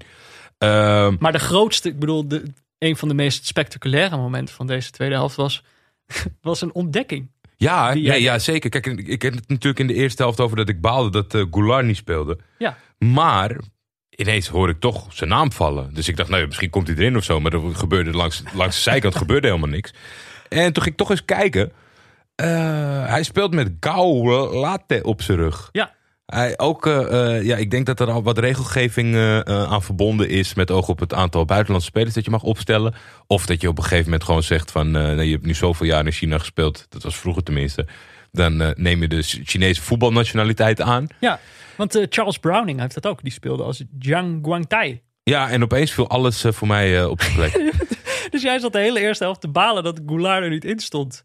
Je dacht, die, Maar- gast die 100 goals heeft gemaakt en dan krijgen we die niet. Waarom speelt hij niet in de Champions League? Kijk, je Die moet, stond dus al een helft op het veld. ja, maar je moet dus gewoon niet spelers afschrijven op basis van één helft of één wedstrijd. Maar de mythe was voor mij wel gewoon doorbroken. Want het feit dat ik in, in de 60ste minuut achterkom dat hij Gao heet op zijn shirt. Dat betekent ook omdat hij geen fuck heeft gedaan in die eerste helft. Nee, klopt. Nee, ja. dat was echt gewoon. Wat, ja, hij is denk ik zelf zo weinig in beeld geweest. Kijk, natuurlijk is het, eh, een livestream is wat anders dan eh, onderuitgezakt op de bank eh, met, met 75 inch. Mhm. Maar het, gewoon het fysieke eh, is makkelijk te onderscheiden, zeg maar, wou ik zeggen. Maar hij is niet veel in beeld geweest. Nee. Dat was erg teleurstellend. Ja, ik denk dat een soort, weet je, Mario Chardel, dat je dan gewoon iemand die op een of andere manier zoveel meer klasse heeft of, of, of uit niks kan scoren, dat dat eigenlijk gewoon linksom, rechtsom de hele tijd gebeurt. Zahavi was toch ook zo'n soort legende die dan nu eh, de, de stap naar Europa, eh, zoals de eredivisie En dan kan hij niet eens vanaf gemaakt. 11 meter. kan je nagaan. Maar ik bedoel, zo'n soort legende wil je dan soms toch even zien. En Ja. dan is het altijd de vraag, kan hij het ook in, eh, in Europa? Kan hij het ook als wij kijken? zullen we eh, nog wat tabbladen afgaan? Ja, Want dat is goed. was ook de tweede helft was dat eigenlijk het leukste. Op een gegeven moment kwam Aloisio binnen Zo, de lijn. ja. Het is ook een Braziliaan. Ik bedoel, in ieder land zijn natuurlijk Brazilianen die daar gewoon de nationaliteit hebben aangenomen om te kunnen voetballen. En dus Aloisio heeft ook de, sinds 2020, dus sinds dit jaar, de Chinese nationaliteit. Speelt met Luo Guofu achter op zijn rug. Het maakt het allemaal niet makkelijker. Nee.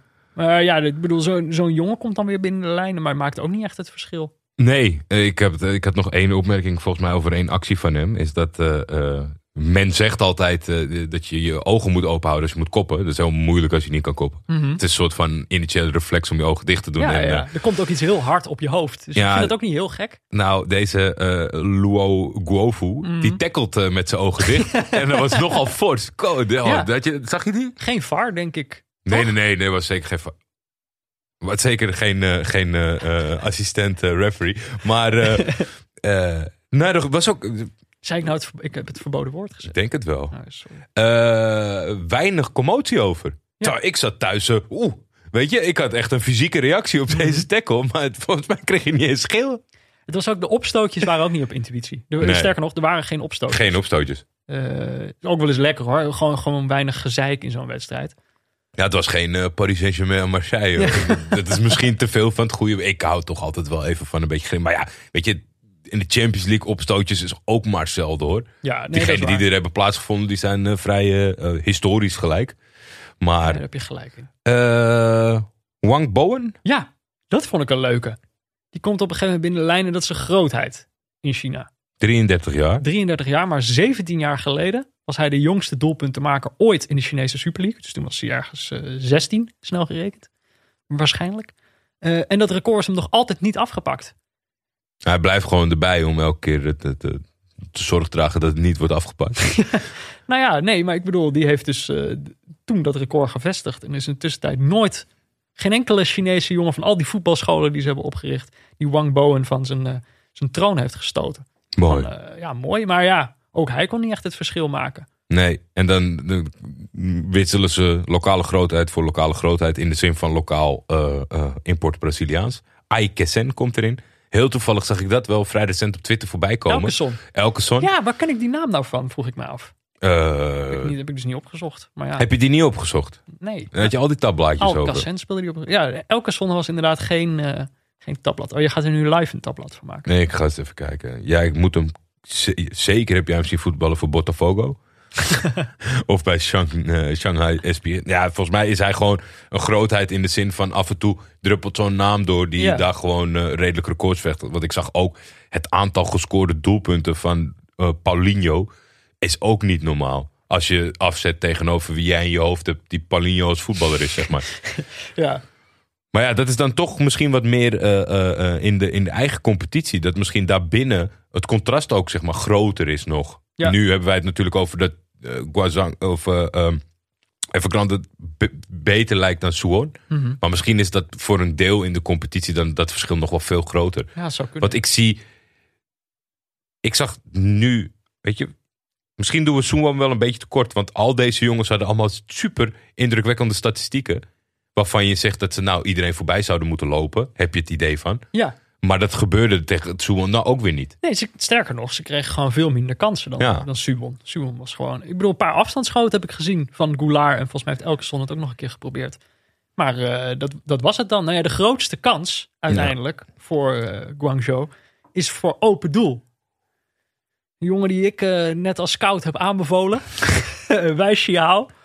Ja, die staat voor open doel en die mist. Of nee, Ja. die bal gaat te hard, komt tegen zijn scheen, reageert te laat. Uiteindelijk snap je het wel. Oh, dat was een prachtige bal trouwens, die voorzet. Ja. Het was die voorzet voorlangs. Dit hij op zijn scheen... Een whipped cross. ja, een hele, hele, hele fijne voorzet.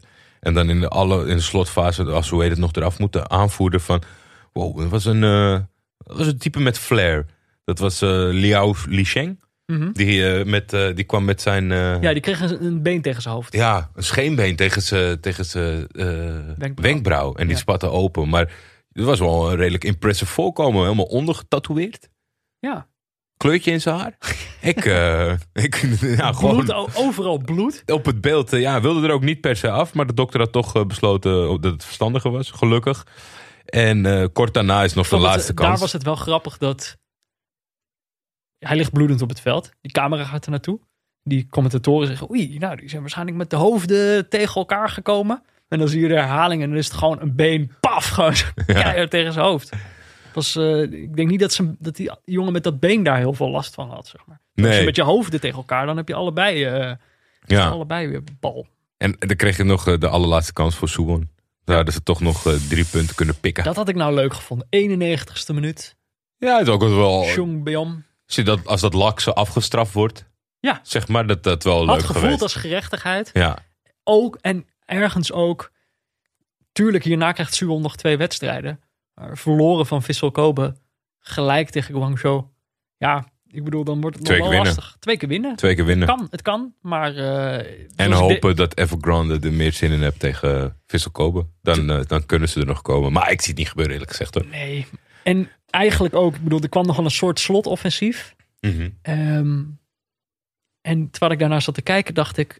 Het is gewoon eigenlijk... Een slotoffensief komt gewoon eigenlijk altijd te laat. Toch? Ja, ik denk dat je dan pas door hebt als het niet werkt. Dat je daarom altijd al denkt, dat dit had je veel eerder moeten doen. Maar, nou ja, ik weet het niet. Eh, Er was gewoon een gedachte die ik had. Misschien is het een, een wet. Slotoffensief komt eigenlijk altijd te laat. Ik vind, ik vind het een mooie, voor op het tegeltje zeg maar. Maar ik zit meer een beetje te denken van... Misschien als je het op tijd start, dan komt het niet over als slotoffensief. En dan Ja, werkt het wel Dan eens. is en het ook geen slotoffensief. Nee, gewoon een tijdig offensief. Ja. Ik moet nog wel zeggen, of de- eraan toevoegen. Na onze special van vorige week, moeten we natuurlijk wel even benoemen. Allebei prachtige shirts. Zeker. Ik Ja. vond het echt, eh, eh, eh, die ene was een beetje dat Chelsea blauw En dan, dan toch wel gewoon een, een, een sterke sponsor. Ik zag dat ze door de jaren heen, het is gewoon een soort van een reclamebord. Want ze worden, het, Samsung zit in de naam. Ja. Maar die moeten dus elk seizoen een ander artikel op hun borst. Dit jaar was het de, de, de, K, de 8K eh QLED televisie. Ja. Die stond erop, maar voor de rest wel heel mooi in uitstraling. En die van, eh, die van eh, eh, Guangzhou vond ik heel mooi. Met dat rode printje met een beetje motiefje erin. Zeker. Ik vond het mooie Oh, shirts. Prachtige shirts. En toch, we hebben naar een 0-0 zitten kijken. Ja, We hebben een 0-0 gezien. Een- een wedstrijd die, die weinig van vorm is veranderd. De hele wedstrijd hebben wij gekeken naar Suwon die het probeert. Guangzhou die het eigenlijk niet, niet heel erg probeert. Die hier wel genoegen mee heeft. En toch was het een leuke wedstrijd. Zijn wij de man of the match van Ja. deze wedstrijd? Is de neutrale kijker de echte winnaar bij deze 0-0? Dan denk ik, vroeg, vraag ik me toch af. Ik heb me gewoon 90 minuten zitten vermaken op, eh, op de zondagochtend. En dan vraag ik me toch af, hoe kan dat? Want hoe kan het nou dat, we dit, dan, dat dit dan wel leuk is? Daar moeten we dan toch een antwoord op hebben. ik vind, ja, ik vind, dat, ik, vind dat, ik vind dat best wel moeilijk. Ik heb twee theorieën. Twee theorieën. Nou, brandlos. Eerste theorie is, denk ik gewoon dat je als neutrale kijker veel minder streng bent als je die ploegen niet kent. Dus als je City Liverpool gaat kijken, dan denk je, eh, dit zijn eh, twee van de beste ploegen ter wereld. Entertain Ik, ik wil eh, ja, entertainen, ik wil vuurwerk zien. Ja. Terwijl hier denk je, je weet, je weet helemaal niet wie die gasten zijn. Wat je kan eisen. Precies. Dus dan is eigenlijk alles al bonus. Zeg maar je verdiepen in zo'n andere wereld. Want zo voelt het toch wel gewoon. Je, het is toch ook gewoon heerlijk dat je dan op zondagochtend gewoon een wedstrijd kan aanzetten die in Qatar wordt gespeeld. Tussen een, Noord- of een, Zuid-Koreaanse ploeg en een Chinese ploeg. Ja, en dat je gewoon, ik bedoel, die, die, die ploegen bestaan ook terwijl je al die Europese wedstrijden zit te kijken. En dat je gewoon eventjes ge- uitgedaagd wordt om je te verdiepen in wie die, wie die, wie die spelers Zit het niet zijn, misschien... clubs zijn. Ja, ik, ik denk dan toch dat het meer daarin zit. Dan het aspect van die verwachtingspatroon. Maar dat het gewoon... Dat je, dat je en dat, dat zal iedere kijker voor zichzelf moeten beoordelen. Of je dat element leuk vindt om iets nieuws te zien. Om jezelf erin te verdiepen. En, en dat vanuit dat je bezig bent, denk ik al... dat je al veel beter mee om kan gaan... als de wedstrijd misschien een beetje tegenvalt. Ja. Want je bent ook bezig met allerlei dingen op te slaan en op te zoeken... wat dan voor ons beiden dan toevallig een leuk aspect is. En het is misschien nog wel veel puurder neutraal kijken. Ja, zeker. Want je bent gewoon niet zo neutraal als je naar ploegen kijkt die je al tien keer hebt gezien. Toch? Ik bedoel, hoe- hoe- je, bent misschien, je hebt misschien geen shirts van die club. En je, je, je Nou. zingt het club... ja, jij wel. en je zingt het clublied niet mee. Maar je hebt wel eh, gevoelens te- voor zo'n ploeg. Terwijl hier, het is nog helemaal nieuw. Het is nog pril. Ja, en, dat ik vind is- het altijd leuk dat je gewoon in zo'n wedstrijd ook gewoon kan omslaan. In eerste instantie denk ik misschien, nou ja, weet je, met, met, die, met die Braziliaanse furoren, daar kan ik best wel voor zijn voor, voor vandaag. Ja. En als je dan ziet dat, dat Suwon eh, moet aanpoten en dat je ze het eigenlijk op het eind gewoon wel gunt. Ja, dat is grappig. Ik Ja. had het precies hetzelfde. Je gunt het dan toch gewoon weer de underdog. Andere Ehm, theorie? Ja, theorie 2 is, en dit is eh, iets heel anders. Zondagochtend, 11 uur. Eh, misschien is het ook gewoon een kwestie van het moment van de dag. Dat je 's ochtends met, veel, met heel andere wedstrijden genoegen neemt dan eh vijf uur. Of een avondwedstrijd. Heerlijk uitgeslapen, croissant, koffie. Je wil nog een beetje wakker worden en dan lekker zo'n wedstrijdje kijken. Je laat het gewoon gebeuren. Ik bedoel, dan hoef je ook niet zoveel spektakel. Dan is het gewoon eh, een beetje rustig. Nou ja, ik moet wel gewoon eerlijk zeggen, volgens mij hebben we het eh, één keer eerder gedaan of zo. Zo'n vroege wedstrijd. En soms door omstandigheden of, of, of door het eindtoernooi is het wel, het, het heeft wel wat. Net als diep in de nacht heb ik ook altijd. Het is natuurlijk niet zo super praktisch. Maar het, het, op een of andere manier, en dat is, dat is dan een beetje. Zo'n diep in de nacht maakt dan altijd een soort van lange termijn indruk. Omdat het niet zo vaak voorkomt. En dat het vaak een speciale reden is dat je ook nog diep in de nacht gaat opstaan daarvoor. Ja. Maar ja, buiten, het, eh, buiten de regu- reguliere tijden heeft wel wat. Ja. Moet ik zeggen. Ik weet niet of het, of het komt door, je, door de gemoedstoestand. Of, of eh, ja, wat het is. Maar dat het prettig is. Het is al, uiteindelijk komen we er denk ik door deze wedstrijd ook achter. Het, is, het gaat niet alleen maar om het voetbal. Dus Nee. eh, het gaat uiteindelijk ook om factoren zoals Hoe laat is het? herkenbaarheid en hoe laat is het? nou ja, dat is eh, louterend. Ik denk dat we even toe zijn aan wat diepteanalyse. Moeten dat we doen. Pieter Zwart. eh, onze luisteraars mogen via vriendvandeshow.nl slash neutrale kijkers mogen ze een audiobericht insturen met een vraag voor Pieter Zwart. Nou, en als je dan een beetje geluk hebt, dan antwoordt hij nog ook. Ja, en als wij geluk hebben, dan hebben we een vraag. Maar Ja. dat gaat deze week eh, perfect. Ja, want uiteindelijk, ik bedoel, we, we eisen steeds audioberichten, maar het mag ook in tekst hoor, als je wil. Als je, als je bang bent dat je een rare stem hebt of zo. ja, er zijn luisteraars die dat bekend hebben. Ja, ik snap, nee, ik ik, snap. heb heel veel, ik heb heel veel empathie voor de kwetsbaren op dit moment. Ehm, maar we kregen een, eh, een audiobericht van, eh, van Max. Zullen we er gewoon even naar luisteren? Laten we doen. Dag Pieter. Het is natuurlijk een hele hype op Twitter om dingen te benoemen die bijvoorbeeld kunst lijken, maar het eigenlijk niet zijn. Maar jou de vraag, zijn er misschien ook voetballers die heel goed lijken, maar het eigenlijk helemaal niet zijn? Nou, ik ben benieuwd wat, eh, wat Pieter erop Ik kan er wel een paar eh, noemen. ja, maar dit is Pieter zijn minuutje. eh. Ik zeg niks. Kijk een pressing. Kijk een pressing. De vraag of voetballers goed lijken die het eigenlijk niet zijn, begint met de vraag wat een goede voetballer eigenlijk is.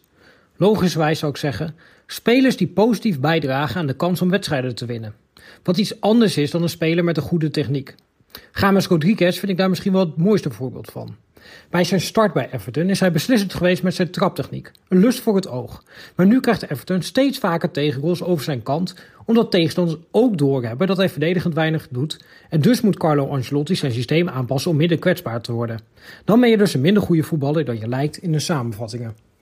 Kijk een pressing. Kijk een pressing. Doet me pijn. Dit vind ik zo. Dit is, eh, beginnen langzamerhand eh, te zien wat echt classic Pieter is. Namelijk, je stelt hem een vraag. En hij begint dan eigenlijk zijn antwoord altijd met: Wat je eigenlijk vraagt is. ja, het is uitstekend. Misschien is dat wel meer nog dat mensen dan met hun eigen stem zitten. Maar dat je bang bent om, om eens door de mangel gehaald te worden door Pieter. Van, als je twee keer langer had nagedacht, dan is dit de vraag dus. Ik vind het wel. Ja, eh, ik, ik moet heel eerlijk zeggen dat ik nog niet een definitie had van wat nou eigenlijk een goede speler is.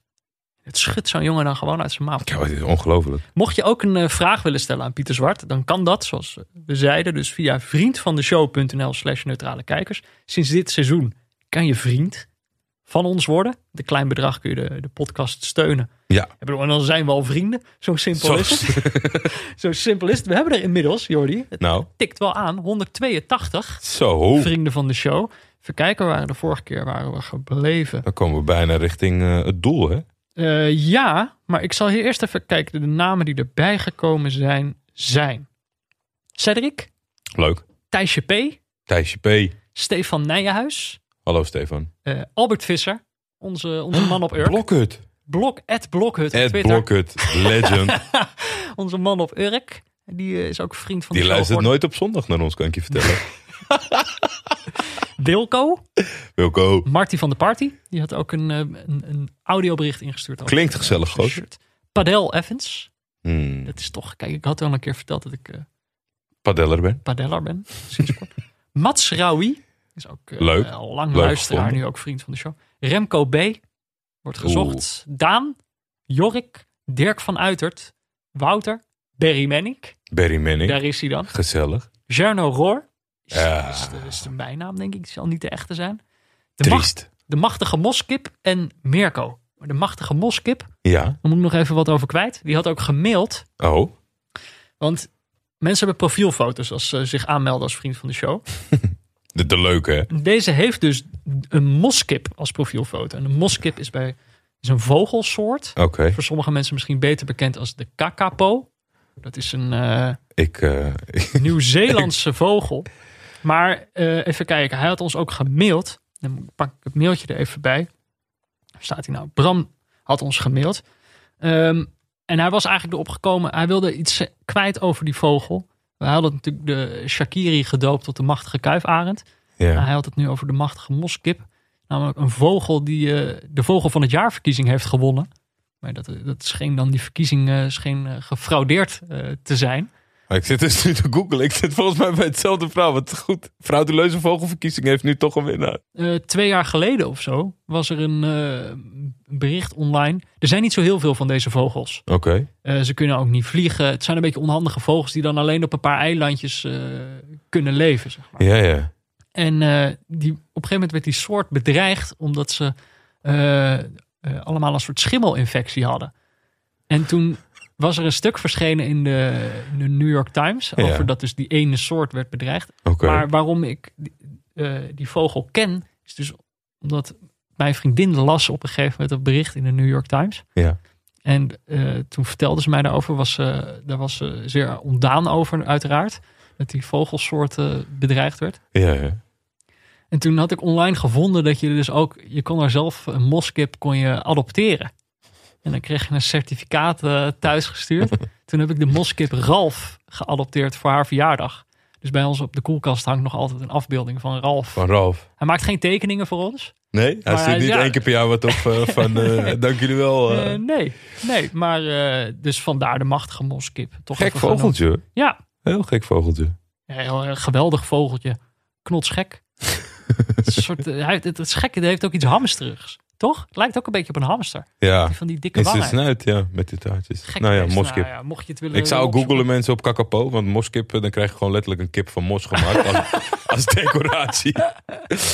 Hij heeft wel een mossige kleur, vandaar denk ik die naam. Maar inderdaad, oké, toch terug even naar Vriend van de Show. Zijn misschien een beetje afgedwaald. Eh, we hebben inderdaad een doel. We zitten nu op 182, maar we hebben 250. Gingen wij eh, voetbalmanager spelen op Twitch. Ja. En eh, de dag dat deze podcast uitkomt, komt ook de officiële versie uit. Voetbalmanager 2021. Gaan mensen hier allemaal zeggen dat ik moet streamen? Nee, wil- ja, ik maar nee, nee, we gaan streamen als we 250 Ja. vrienden hebben. Ik doe ook niet meer mee. Dus Ik ga ook niet meer solo streamen totdat we 250 vrienden hebben. Kijk, precies, dat zijn de acties. Eh, andere vraag die we steeds kregen is van mensen uit bijvoorbeeld België die graag eh, vriend van de show willen worden, maar dat niet kunnen.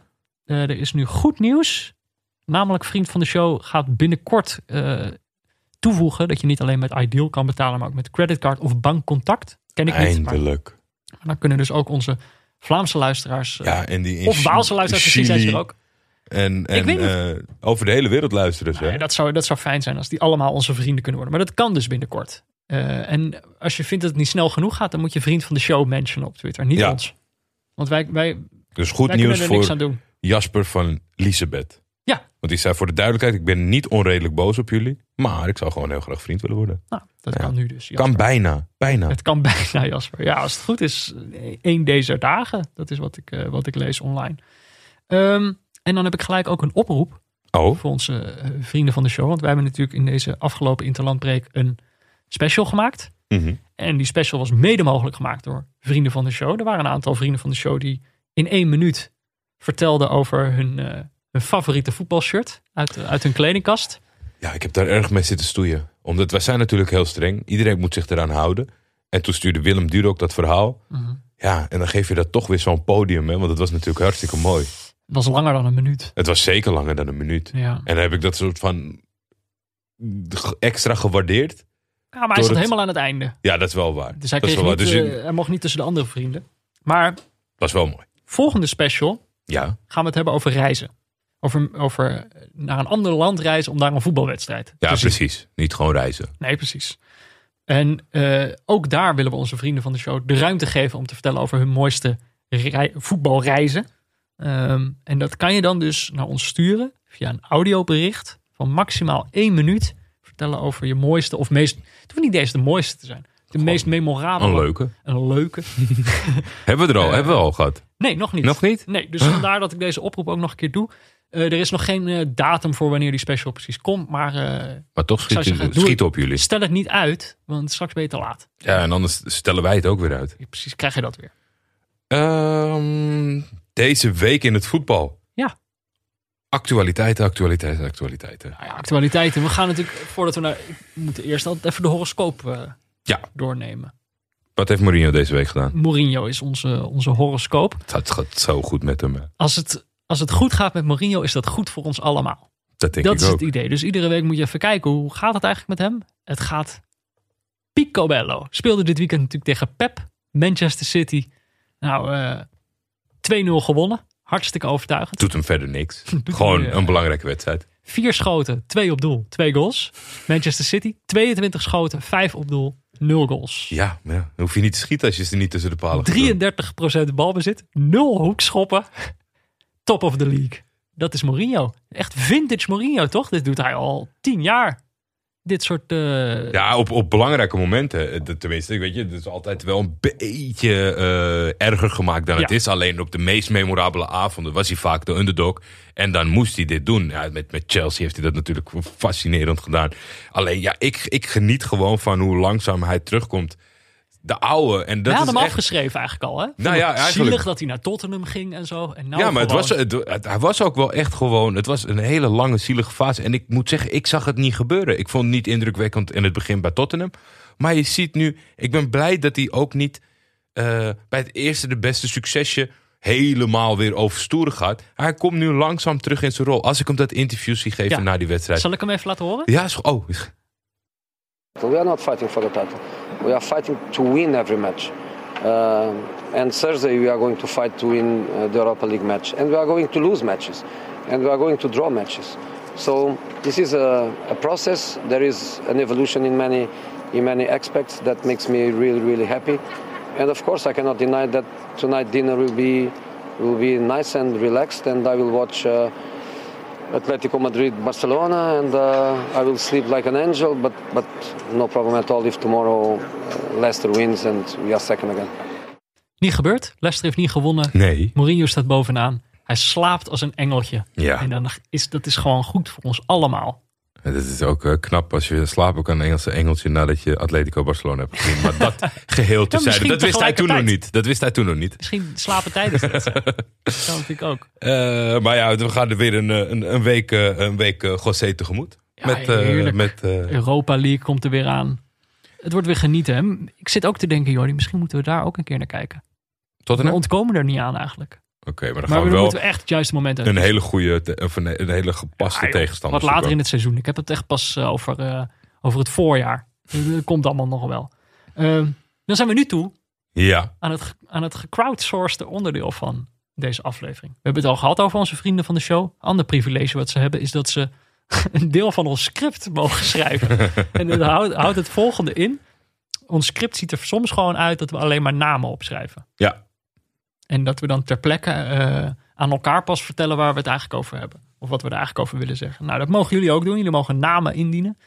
Op de namenlijst, die steeds op Vriend van de Show online. ja, ik zal hem toch iets eerder plaatsen dan eh, één dag van tevoren. dat is eigenlijk gewoon. Maar dat we was, het waren gekke de- weken. Ja, Zullen we het meteen naar de aflevering doen? Ja, in principe als deze online is, dan zullen die ook eh, online zitten. Ik, heb trouwens, wij, ik kies ervoor op het moment dat ik zo'n update doe, om dat niet naar jullie te mailen. Mocht dat anders gewend zijn, moeten jullie het zeggen. Maar ik kan me niet voorstellen dat mensen daarop zitten te wachten. Je kan nu elke update mailen naar de Nou, mensen nee, toe. nee, dat- gaan we voorlopig niet doen. Laten we mensen er niet gek mee maken. Maar laten we het als volgt doen. Want soms zijn het gewoon wat te veel namen. Dus kunnen Mhm. ze niet allemaal doen. Dus ik denk, misschien moeten we het als volgt doen. Om de beurt kiezen wij een naam uit. Waar, waar je iets over kwijt wil. Mhm. En, eh, en dan gaan we gewoon net zo lang door tot we, tot we, tot we geen zin meer hebben. Toch? Dat, we- dat we niks meer te zeggen hebben. Ja, Zullen we dat zo doen? gaan we doen. Dan, gaan we, dan open ik nu de namenlijst. Zie jij er al eentje waar je iets over wil zeggen? Eh, je er al ik- eentje? Ik zat in een ander tapje even, maar ik, ik ben al helemaal terug. Eh, En dan ook noemen wie hem erop heeft gezet. Dat is denk ik ook wel leuk. Jordi, dat ben ik niet zelf, heeft Alan Pardew erop gezet. Oké. hebben we natuurlijk voor de wedstrijd kunnen zien dat hij eh, de nieuwe technisch directeur is. Of het is eh, verkeerd vertaald en hij is de trainer. Nee, hij is de technisch Eh, directeur. eh, van CSKA Sofia te, Ja. te Bulgarije, te Sofia. En eh, ja, ik denk dat hij misschien wel, ook als ons het een en ander zat was en avontuurlijk eh, gestemd is. Want als je in Ja. ADO stapt Ja. en daarna door eh, eh, peddelt naar Sofia. Ik vind nogal wat. Ik vind het ook wel gewoon wel grappig dat. Soms lijkt het alsof eh, prestaties alles bepalend zijn. Bij Alan Pardew is dat gewoon niet zo. eh, Sommige mensen kunnen gewoon overal wel weer een keer een baan krijgen. Ja, Ik bedoel, eh, dat is dan wel bij ADO, maar ja, je, daar, daar gaat het dan helemaal mis. En dan mag je gewoon naar CSK Sofia, mag je daar gewoon technisch directeur worden. Ja. Ja, dat, ja ik, ik, ik, ik, ik heb, inspirerend. Ben het een en ander eh, kwijt eh, van mijn Bulgaarse kennis. Dus ik weet eh, niet wat hem te wachten staat daar. Ik, het- je hoort er de wildste verhalen over. Eh, we gaan eh, in de gaten houden. Oké, ik heb een andere naam uitgekozen. Even kijken. Die staat er maar één keer op. Ik had hem eigenlijk vaker verwacht. Dan moet ik hem heel even terugzoeken. Youssoufa Moukoko. Werd opgezet door Arnoud. Vriend van de show Arnoud zette die erop. Ja, dat, daar hebben we het al even over gehad in een paar afleveringen geleden.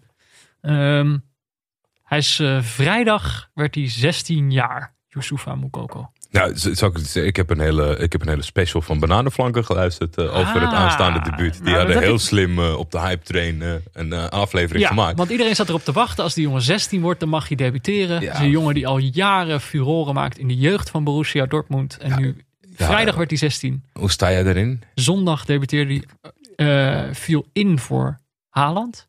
De huidige Golden Boy had op dat moment vier keer gescoord. Ja. Nou, dan mag toch even die eh Mokoko invallen. Een record. Je weet het niet, hè? misschien wordt het 17 jaar lang- niet verbroken. Het is in ieder geval heel lastig, want hij is dan 16 jaar en eh, twee dagen of zo. Ja, en je mag maar van je 16, dus dan moet het wel heel goed of iemand moet op zijn 16e verjaardag debuteren. Het moet en zo goed zijn en er moet precies een wedstrijd zijn op, op die Op dag. zijn verjaardag. Of 16 en één dag kan ook nog. Maar dus er zit een soort limiet aan het record. Je, kan niet op een gegeven moment een 12-jarige jongen debuteren. Dat kan niet. Maar eh, ja, hoe ik erin sta. eh, kijk, Haaland moest alweer lachen. Hè? Die voelde zichzelf al oud. Die is eh, 20. Ja, dat is, ah, grapje, grapje, grapje. Maar ik zag ook een tweet van het voetbalgeneuzel. Wat was het nou? Leuke twitteraar, Nare man. nare man. Die had de stelling dat de hype een beetje eng is. Ik vind Dus het, nou ja, ik, eh, ik, ik, ik baal ervan omdat ik natuurlijk 9 van de 10 van zijn tweets voorbij zie komen en dan niet soort van gelijk gestemd wil zijn. Maar ik, had, ik heb het echt niet gezien, Daniel. Maar ik, ik, ik, ik, neig daar ook een beetje naartoe. Kijk, zolang het jeugdvoetbal was, had ik zoiets van, nou ja, prima dat er een paar eh, rare mensen met een regias eh, dat fantastisch vinden. ja, ik- kindervoetbal kijken, ik, ik snap het niet. Maar oké. Maar nu het zo tegen dat eerste en, en dat geheig op die jongen. En het heeft natuurlijk, het staat alleen maar gedoemd om te mislukken. Ja, hoeveel 16 jaar, hoeveel jongens, behalve Wang Bowen, die op hun 16e debuteren, hoeveel daarvan maken het nou? Waar is Bojan Krikic? Ja. Waar, waar is die? Waar is Freddy Adu? Ja, Freddy Adu, die kan je boeken voor eh, video. Eh, je, je kan een leven ook gewoon ruïneren door een 16-jarige jongen zo lastig te vallen. Ik bedoel, voor hemzelf is het, Ja, maar het is, het, het is zo'n oneindig moeilijke discussie, Peter. Als die gozer, weet je, hij is 16 en dan zit het hoogste, hoogste jeugdelftal. Mhm. En er staat geen maat op, maakt 100 doelpunten. Ja, op een gegeven moment is het ook zo oud genoeg, goed genoeg. Dus dan moet je hem opstellen. En je kan gewoon niet tegenhouden dat elk medium op wat voor manier dan ook hier aandacht aan schenkt. Nu hebben wij het er ook over. Zelfs wij. wij, zijn de, wij zijn de enige good guys in het geheel. En ook wij gaan het over deze jongen hebben. Weet je ik, wat is? ik hoop dat het niet fout gaat. Je kan dat hem, vooral. Je kan hem niet kopen in voetbalmanager 2021. Nee, hij is te jong. Oh. Het is gewoon een, waarschijnlijk Maar hij, kan er wel, zit er wel in en dan op een gegeven moment is hij 18 heeft hij zijn profcontract kan kopen. Eh, nee, maar hij zit gewoon niet in het spel. Ik denk dat dat gewoon een, een rechte kwestie is. Uh, Oh. Of, of het is een, een database kwestie, dat weet ik niet. Maar ze, hij is gewoon zo jong Ja. dat ze, dat ze waarschijnlijk eh, dat het legaal niet rond te krijgen is om zo'n jongen zijn identiteit in zijn spel te stoppen. Wat gek, ik dacht dat die megatalenten gewoon erin zaten. Ja, volgens mij, Eh, misschien dat ze bij hem wat terughoudender zijn, ik weet het niet. het zou sympathiek van ze zijn. Even kijken. Nou ja, we Sander Saitos maar even meenemen? Ja, je, moet, je moet- het noemen, hè? Slaat dan. Geweldig. Zet de naam Slatan erop, ja, hij doet het weer. Geen maat op. Daar komen we, daar komen we gewoon niet vanaf. Nee. Dat is, eh, Ik ben wel blij dat het eigenlijk sinds dit in de Serie A is, dat het eigenlijk alleen maar voetbal gerelateerd is. ja. En dat is. eh, dat is ja, het is eh, geen, eh, het is geen Twitter marketing meer. Het is nu gewoon wel op het veld.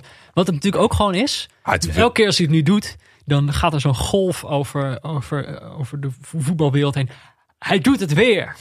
En dat is, waar, dat is gewoon waar hij op drijft. Ja. Daar wordt hij beter van. Dus hoe, hoe meer wij dit doen, hoe succesvoller hij ook wordt. Ik denk, denk dat het voor hem nog belangrijker is dan bij heel veel andere voetballers. Is waardering. Ja, ja, dat is mooi gesproken. En dat is dan, ja, dan toch. Als je, het allemaal, als je het allemaal niet meer zo actief hoeft mee te krijgen, dan is het toch ergens ook wel weer een glimlach. Dat hij van voor de wedstrijd zegt, eh, Pioli, de trainer, dat natuurlijk COVID. Ja. Het is, ja, ik ben het toch.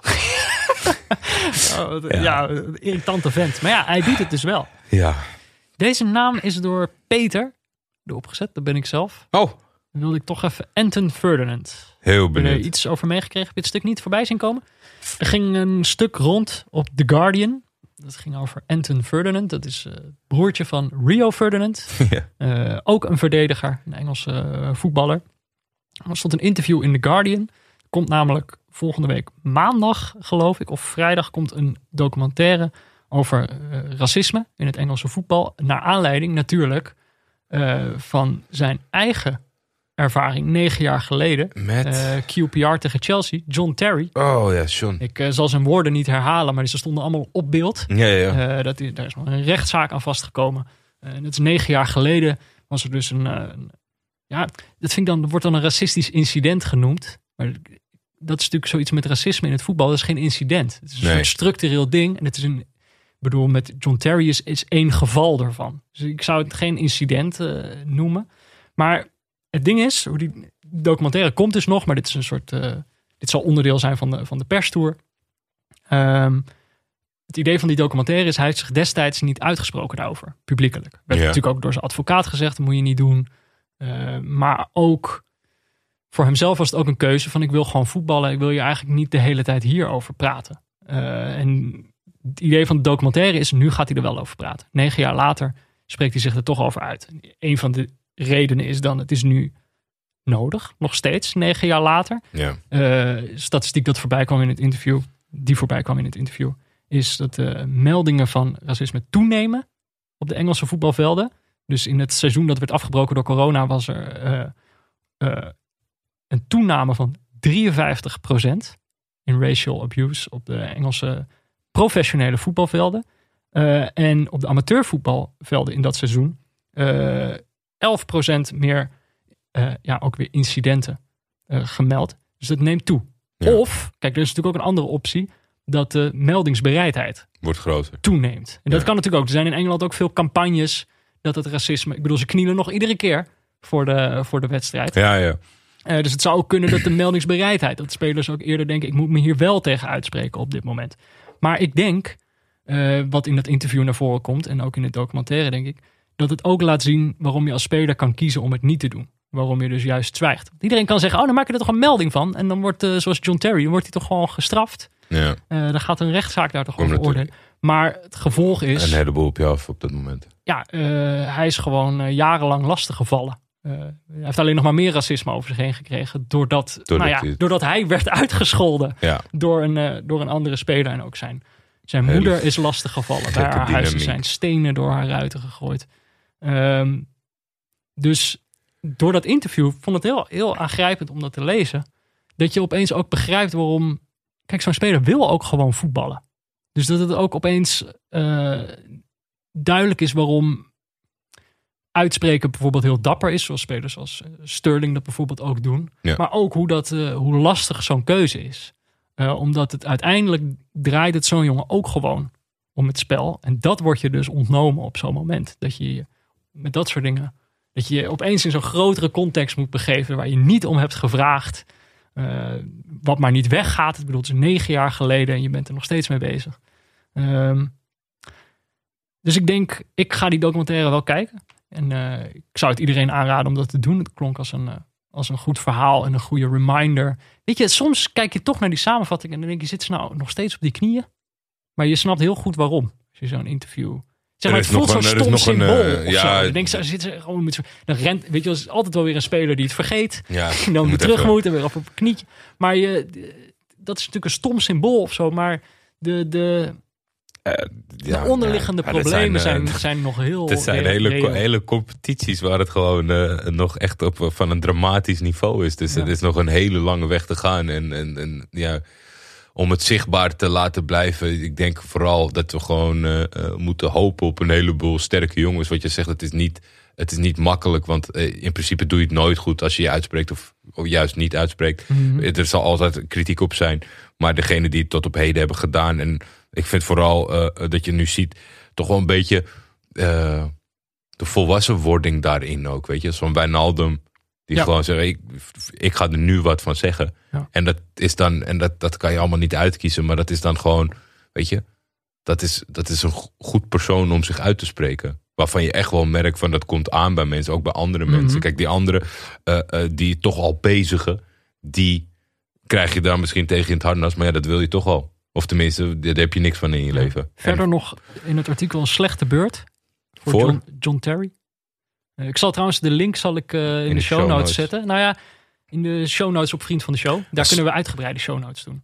Dus de, de- daar krijg je de, het Ik uitgebreide wil van. een Maar- grap maken over, over John Terry in combinatie met een slechte beurt en een voormalig linksback. Maar ik denk, laat ik dat nou in dit blokje niet doen. Nou, nee, maar de slechte beurt was namelijk dat hij eh, wilde niet reageren op die documentaire. En de reden daarvoor was dat hij het hoofdstuk achter zich had gelaten. Ah, dat het volgens hem in de rechtszaal was afgesloten. Oh ja. Maar ja, Dat was ook eh, diezelfde... racisme is er nog steeds. Of zo, dat hoofdstuk is niet afgesloten. Dat was, dus- dat was En, diezelfde en John. Ferdinand kan dat niet. John Terry die toch met dat, eh, eh, dat vrouwencommentaar belachelijk had gemaakt tijdens het WK. Maar toen zei dat het een foutje was op Instagram. Die, die, dat heeft hij ook achter zich laten liggen. En Ja, een heleboel teamgenoten is- heeft hij ook achter zich laten liggen. Het hoofdstuk is afgesloten. Dan denk ik, Ja. ja, nee, niet, niet een dus. lafaard zijn. En, ik bedoel, dit was toch juist ook een mooi moment geweest als hij daar dan ook iets over had gezegd. Onbegrijpelijk. Nou ja, dus... eh Enter Ferdinand, ja, die had Peter denk ik om die redenen op de, op de lijst Lange verhaal altijd, die Peter. Eh Rijn, Cesc Fabregas. Ja, eh, dat is lachen. Dat vinden wij lachen. Onze grote vijand heeft verloren. Paris Saint-Germain. De, de grote Nou ja, bad guys van de Franse competitie. Zal ik jou vertellen dat ik het eigenlijk... eh, eh, het- mijn zaterdag was na het mislopen van Oriental. Toen was ik helemaal klaar mee. Ja. Geen voetbal meer vandaag. Mhm. nee, dus dat heb ik helemaal naast mij laten liggen. Gisteren was ik mijn eh, heerlijke samenvatting een rondje aan het doen langs de velden. Ja, ja. En toen kwam ik PSG tegen. En eh 2-0 PSG. Jij wist niet hoeveel het ging worden. Ik wist de Oh, uitslag wat niet. heerlijk. Ja, kan je je voorstellen? Ja. En ik zie die gasten achterin kloten bij Paris Saint-Germain. Oh, jezus. hé. Maar ja, Chess Fabregas natuurlijk... eh, eh, Die scoort de winnende. De die 3-2 scoort de winnende, de belangrijke, eh, belangrijke rol met zijn invalbeurt. Want volgens mij komt hij in rust erin en gaat het helemaal lopen. Maar Volland was natuurlijk wel eh, helemaal eh, de man daar. Die met twee doelpunten Mhm. en, eh, en die ding. Maar ja, het- ik heb, ik heb echt in een deuk gelegen. Want Monaco is natuurlijk, die hebben het zwaar. Een hele jonge ploeg. En dat denk je al, weet je. Mbappé, die had zich allemaal, eh, volgens mij had hij zich... eh, geschaafd tijdens het scheren. Het zag er allemaal niet, niet, zo, niet zo goed uit. Maar ik kan gewoon, ja, daar kan je toch van genieten. Als je dan toevallig laatst voor dat dingetje had ik dan die, die, die transfersommen van Paris Saint-Germain bij elkaar opgeteld. En dat, dat ging volgens mij serieus om anderhalf miljard. Ja. En dan kijk ik naar die laatste vier. En ja, Twitter is niet zo handig met screenshot. maar daar lig ik echt in een deuk wat daar nu op het veld staat. Die kennen er helemaal niks van. Nee, die 3-2 komt uiteindelijk. De, de beslissende penalty komt gewoon door een individuele fout van die Diallo. Ja, Diallo klungelen. en Diakba en, eh en Kurzawa. Het is allemaal pff, wat boven. Ja, en dan zie je. Thomas Tuchel. eh. dus eh, eh, leuk dat je aan uh, Chess Fabregas eh, via deze weg bij Paris belandde. eh Rijn, dankjewel. Ik heb nog één leuke... Ik heb er nog eentje. Mag ik er nog eentje doen? Zeker. Die- ik kan niet anders dat ik hem moet doen. Naam Daily Sinkgraven. Ik ben Nou, natuurlijk... dat leek mij ook. Ik ben Sinkgraven Watcher. Ehm, naam werd opgezet door Stefan Nijenhuis. Deli Sinkgraven speelde dit weekend met Leverkusen tegen Bielefeld. Speelde op bezoek bij Arminia Bielefeld. Eh, kwamen vroeg op eh, 0-1 voorsprong. Leon Bailey eh, maakte de goal. Nou, het is niet zo heel veel aan de hand voor Leverkusen. Op een gegeven moment heeft uh, Deli Sinkgraven de bal. Hij speelt hem terug op de keeper. Radetzky. En het is gewoon heel simpele eh, terugspeelbal. Gaat niet eens, hij gaat niet eens op het doel af. Of hij gaat wel richting het doel, maar hij was er niet ingegaan, zeg maar. Maar Radetzky probeert die bal weg te trappen. Geen voetballende Het is, me, keeper. het is me onduidelijk wat daar precies misgaat. Ik heb het een paar keer teruggekeken, ik snap het niet precies. Maar hij maait uiteindelijk ongeveer onder de bal door. Maar dan ook nog op zo'n manier dat hij hem in zijn eigen doel schiet. Want die bal ging niet op doel. Maar doordat hij mismaait, gaat hij wel in de goal. Ja, het ziet er enorm klungelig uit. Uh, heel onhandig. Maar wat ik het allergrappigste vond, was, het was bij Arminia Bielefeld. Ja. Dan gaat die bal er enorm klullig in. Leeg stadion. Dan gaat wel de goal tune. Gaat wel aan. Wil je hem horen? Ja, doe maar. Heeft net die keeper heeft een zieke blunder gemaakt. Zet enorm veel lul. Dan zet ze dit muziekje op.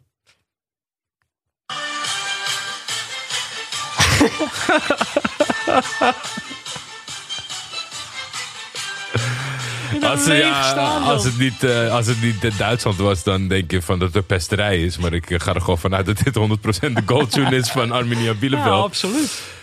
Zo grappig. Ja. En zo, zo terug. Ik- maar eh, Ik kon niet achterhalen of, of hij gereageerd had. Ik zag dat Fox Sports die had eh, op hun Instagram-account het doelpunt gedeeld.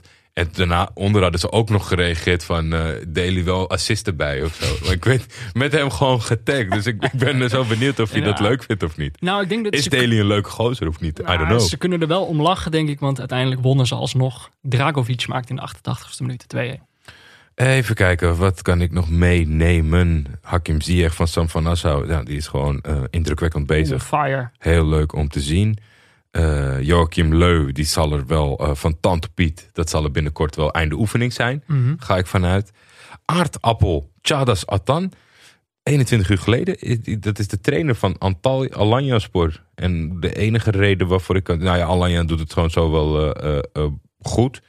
En, eh, nou ja, goed. eh, koploper. Zij het eh, eh, eh, virtueel nog even, denk ik. Mhm. Die, eh, ja, jonge trainer, eh, centrale verdediger geweest. En in het verleden bij Besiktas gespeeld. Het enige nieuwsdingetje wat er was, is dat hij zijn eh, oefenmeester... eh Sergen Yalcin, die trainer is van Besiktas, dus waar alle topclubs het nu verschrikkelijk slecht doen, dat Ja. hij hem een, een steuntje in de rug stuurde. Dus dat, dat was verder niet zo, niet zo indrukwekkend voor zover ik kon vinden. Oké. Sven Botman. Sven Botman maakte een tackle. Mensen houden nooit van tackles, want dan ben je al te laat. Ik vind het een beetje overdreven. Ik zag er een gifje van voorbij komen. Dat is een, eh, een sliding tackle. Ja, een behoorlijk sliding Dus tackle. hij, hij, eh, met overmacht eh, verovert hij de bal op zijn tegenstander. En dan schakelt de camera meteen naar de tribune. José Fons. Fonch. Die trekt zijn wenkbrauwen op. Dat was een leuk, leuk gifje. Die zie je, heb je vast wel voorbij zien komen. Oh, er was er nog eentje ergens anders. Maar die moet een... Nicolai Geertsen. Ah. Dat is een speler was van via de mail. Lingby. Lungbu. Lumbu. Lumbu. Hmm. En die speelde in de, in de Deense eh, eh, beker. En waar ik vooral volgens mij eh, om moest lachen is dat wij, ik- of tenminste, ik had hier mijn beklag gedaan over dat elke een beetje bijzondere doelpunt vandaag eh, tegenwoordig van de caption wordt voorzien. Nou, geef hem maar de Poeskas Award. Ja. Poeskas Award 2021 is alweer weg. en echt, deze gozer scoorde enkele minuten in een soort dubbele omhaal. Nadat, het was, nadat wij of de show was live gaan of wat dan ook. Dus ik werd ook een paar keer gementiond. Ja, het is, het is echt gewoon zo voorspelbaar. Ja. Ik denk overigens niet dat hij de Poeskas Award gaat winnen. Oké. Volgende week. Wij hadden een fantastisch plan. Ja, Ik ben al eh, weken eh, ben ik steeds de naam Bode Glimt aan het, eh, aan het droppen. Kamikaze in de polcirkel. Eh, iemand noemde het het FCM van, Noor- van Noorwegen.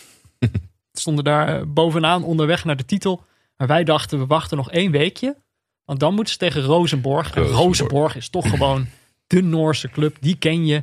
Eh, dan gaan we de, de, Clash. de nieuwe grootmacht zien tegen of de, de, Ja, aanstaande kampioen. derde of tweede. Dus dat was waarschijnlijk nog wel een soort van rol eh, weggelegd eh, in die zin. Ja. Al dan niet om eigen kwalificatie voor Europees voetbal. Nou, en we waren uitstekend voorbereid. Rory Smith had erover geschreven. Michel Dodeman had erover geschreven. Dus we hadden ons helemaal kunnen inlezen. Er was nog een Nederlands tintje zelfs. Joshua Smits eh, speelt daar. Eén probleempje. Ze zijn gisteren kampioen geworden. ja, ja. Ik heb het weken over Glimt. En dan kiezen wij uiteindelijk de wedstrijd uit nadat ze kampioen geworden. Dit hadden we gewoon kunnen uitrekenen. Ja, ik vond, dit, ik vond dit echt iets voor mij. Maar kijk, het was natuurlijk een beetje toch wel jouw kindje aan het worden. ik vond het niet des beters. Ik zie gisteren iemand een, een retweet doen van eh, Ja. oh, the, the, the dream has happened, uh, champion. En toen stuurde ik het naar jou. Zei, ja, dat hadden we even Ja, moeten berekenen. Ik zweer het. Ik had gewoon echt een rotavond daardoor. Ik dacht, dat- daar zitten we de hele tijd naartoe te leven. En dan gaan we straks, gaan we dan, ja, ik denk zondag 29 november. Bode tegen Rosenborg. Ja, gaan, moeten we dat wel kijken? Dat slaat dan toch nergens op? Het kampioenschap is al vergeven. Nou ja, het is, eh, ja het, is- ik weet niet, ik kan ze niet, eh, ik kan ze niet helemaal plaatsen tot op dit moment. Kijk, iemand wil natuurlijk waarschijnlijk, eh, misschien willen ze aan Rosenborg laten zien van wij zijn de nieuwe in town. Maar aan de andere kant, met een feestje, Het maakt niet meer, er staat Nee, niks meer echt meer het spel. nee. Voor hun dan. Voor Rosenborg misschien wel. Maar dit, ja, Maar dat hoeft ook geen factor te zijn. Dus we kunnen er een soort aflevering van maken waarbij we wat beelden terugkijken of zo. Zou kunnen.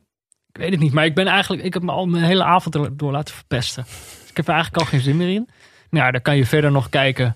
Zijn dat, ik ben toen gaan kijken op 538.com ja. van onze eh, goede vriend eh, Nate Silver. Met allemaal modellen uitrekent wie eh, bijvoorbeeld president van Amerika wordt. Maar ook Wat een leuke... welke, welke wedstrijden leuk zijn. Daar hebben ze hele modellen voor op basis van het belang van de wedstrijd. De aantrekkelijkheid van de ploegen.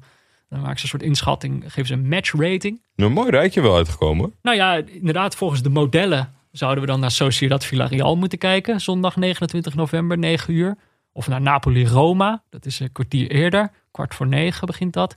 Leverkusen-Hertha. Eh, Schatten zij ook eh, vrij hoog in. Ja. Het is allemaal wedstrijden. Zeg maar, de, de rating wordt hoog als ploegen aan elkaar gewaagd zijn, bijvoorbeeld. Oké. Nou ja, en dit zijn dan ook ploegen Het zijn die... ook eh, leuke aanvallende ploegen. Ploegen die veel scoren. ja, maar ik Dus- denk, als je eenmaal Suwon Blue Wings hebt gezien, dan kan, dan kan dit eigenlijk niet meer. Dan kan je toch niet opeens naar de Spaanse competitie gaan kijken.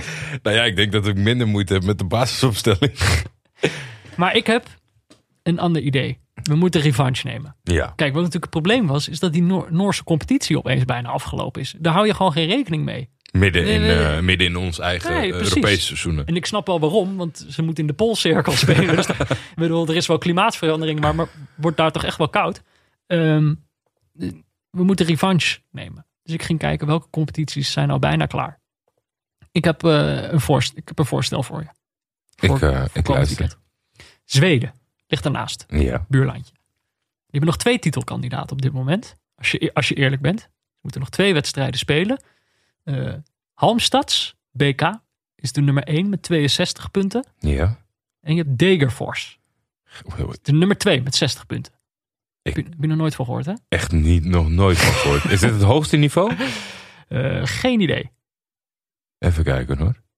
Oh, dit zou natuurlijk nog een lager niveau kunnen zijn. Ja, jongen, ik zit naar, die, oh, ik zit naar, die, naar, die, naar dat screenshot te kijken. Ik denk, wat de fuck is dit? Dat kan helemaal niet. Je dacht, waar is... Maar eh, dat eh, houdt mij helemaal niet tegen. Maar, eh, nou ja, oké. En, en wie speelt wacht, tegen maar wie? moeten we dan niet even naar de eerste divisie kijken? Dit wordt sowieso weer niet uitgezonden. natuurlijk. Umea, jawel. Tweede niveau in Zweden? Tuurlijk. Gif Soentval. Grootheid uit het verleden. Trelleborg. Ögert. Gijs. Daar volgens mij ik ga, eh, live, komt ik ga eh, live zoeken naar de Alsven kan. Marcus Albeck, volgens mij. Ja, nee, nee. Dat is dan misschien toch geen goede optie. Malmö, Elfsborg. Malbo staat al dik bovenaan, toch? Ja, dat wordt niks. Oh, Eh, Grit. Jezus, valt mijn plannetje weer helemaal in het water. Ah, had ik het toch niet Ik goed. ben niet in vorm. Oké, maar een andere optie. Ja. De MLS playoffs zijn begonnen.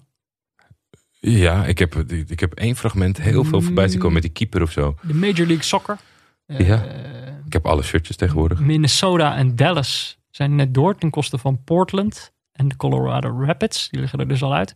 De komende dagen zijn de wedstrijden Toronto tegen Nashville, Mhm. Philadelphia tegen eh, New England en Seattle tegen LAFC. Eh, en dan zijn volgend weekend de halve finales. De week daarna zijn de conference finales. En de week daarna is de finale Zoals 13 alleen december. Amerikanen dat doen. Ja, die spelen gewoon eh, West-Oost en dan een keer, een keer finale. Ik, eh, kijk, het zijn volgens mij, want dat was volgens mij mijn belangrijkste afweging afgelopen weekend. Of we dat zouden, of dat op de lijst moest komen bij ons. Gaat het over één duel? Ik ben, eh, ik ben down voor elk land als het over één duel gaat. Volgens mij wel. Nou ja, we, zullen het, we moeten dat even zien. Ik, ben wel, ik heb me redelijk voorbereid, maar niet zo goed, zoals je merkt. Ehm, ja, ik, ik merk eigenlijk nu ter plekke. Ik dacht, we gaan eruit komen. Maar dat Zweedse plannetje van mij, daar heb ik toch minder vertrouwen in. Gaan we echt het Zweedse tweede niveau kijken? Ik zou het graag willen. Ja.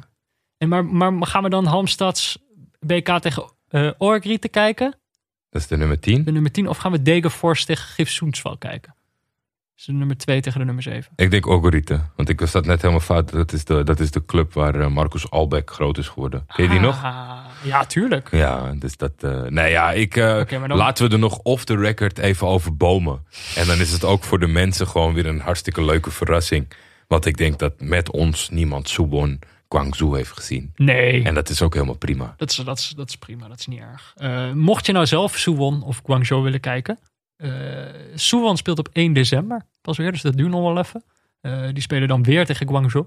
Dus eigenlijk de, de, de terugwedstrijd zie je. Kan gewoon nog een keer kijken. Ja, wil je Guangzhou zien? Die spelen dus komende zaterdag tegen Vissel Kobe.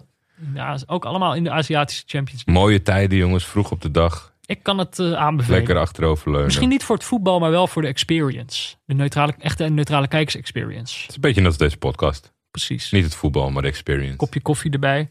Eh, nou, en mocht je een wedstrijd willen tippen, dat kan natuurlijk altijd. Sommige mensen zijn daarin wel echt beter voorbereid dan wij. Terwijl niemand dan zegt, Bodo, jongens, Bodo Glimt wordt komend weekend kampioen. Dat zegt dan weer niemand. Die Michel Eh, Dodeman, hè? Maar we hebben een tip voor 3 januari. Van vriend van de show Arnold.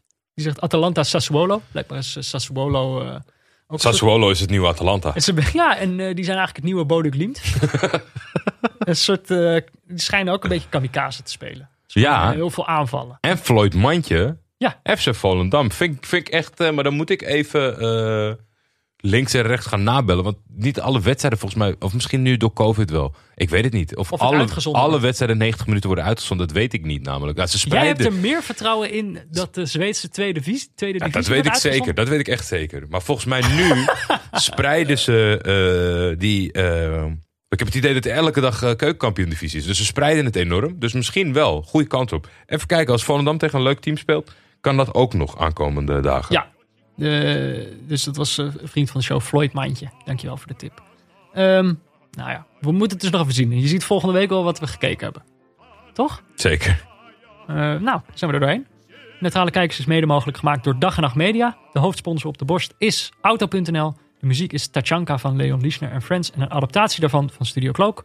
De gegenpressing jingle is van Laurens Collet. En de diepteanalyse is natuurlijk van Pieter Zwart. De artwork is van Barry Pirovano. Wil je meepraten? Dat kan. Je kan ons volgen via Twitter.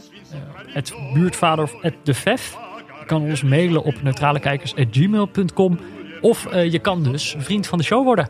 Kleine donatie ben je al onze vriend. Vriendvandeshow.nl slash neutrale Vinden we kijkers. heel leuk. Je krijgt updates over de podcast. Je kan dus eh, het, het gecrowdsourced onderdeel van ons script schrijven. Of je kan spraakberichten sturen met vragen voor Pieter Zwart. Of dus over je mooiste of meest memorabele voetbalreis. Eh, tot zover. Eh, houd afstand. Blijf neutraal. En dan zijn we de volgende week weer. Tot dan, Jordi. Tot dan, Peter.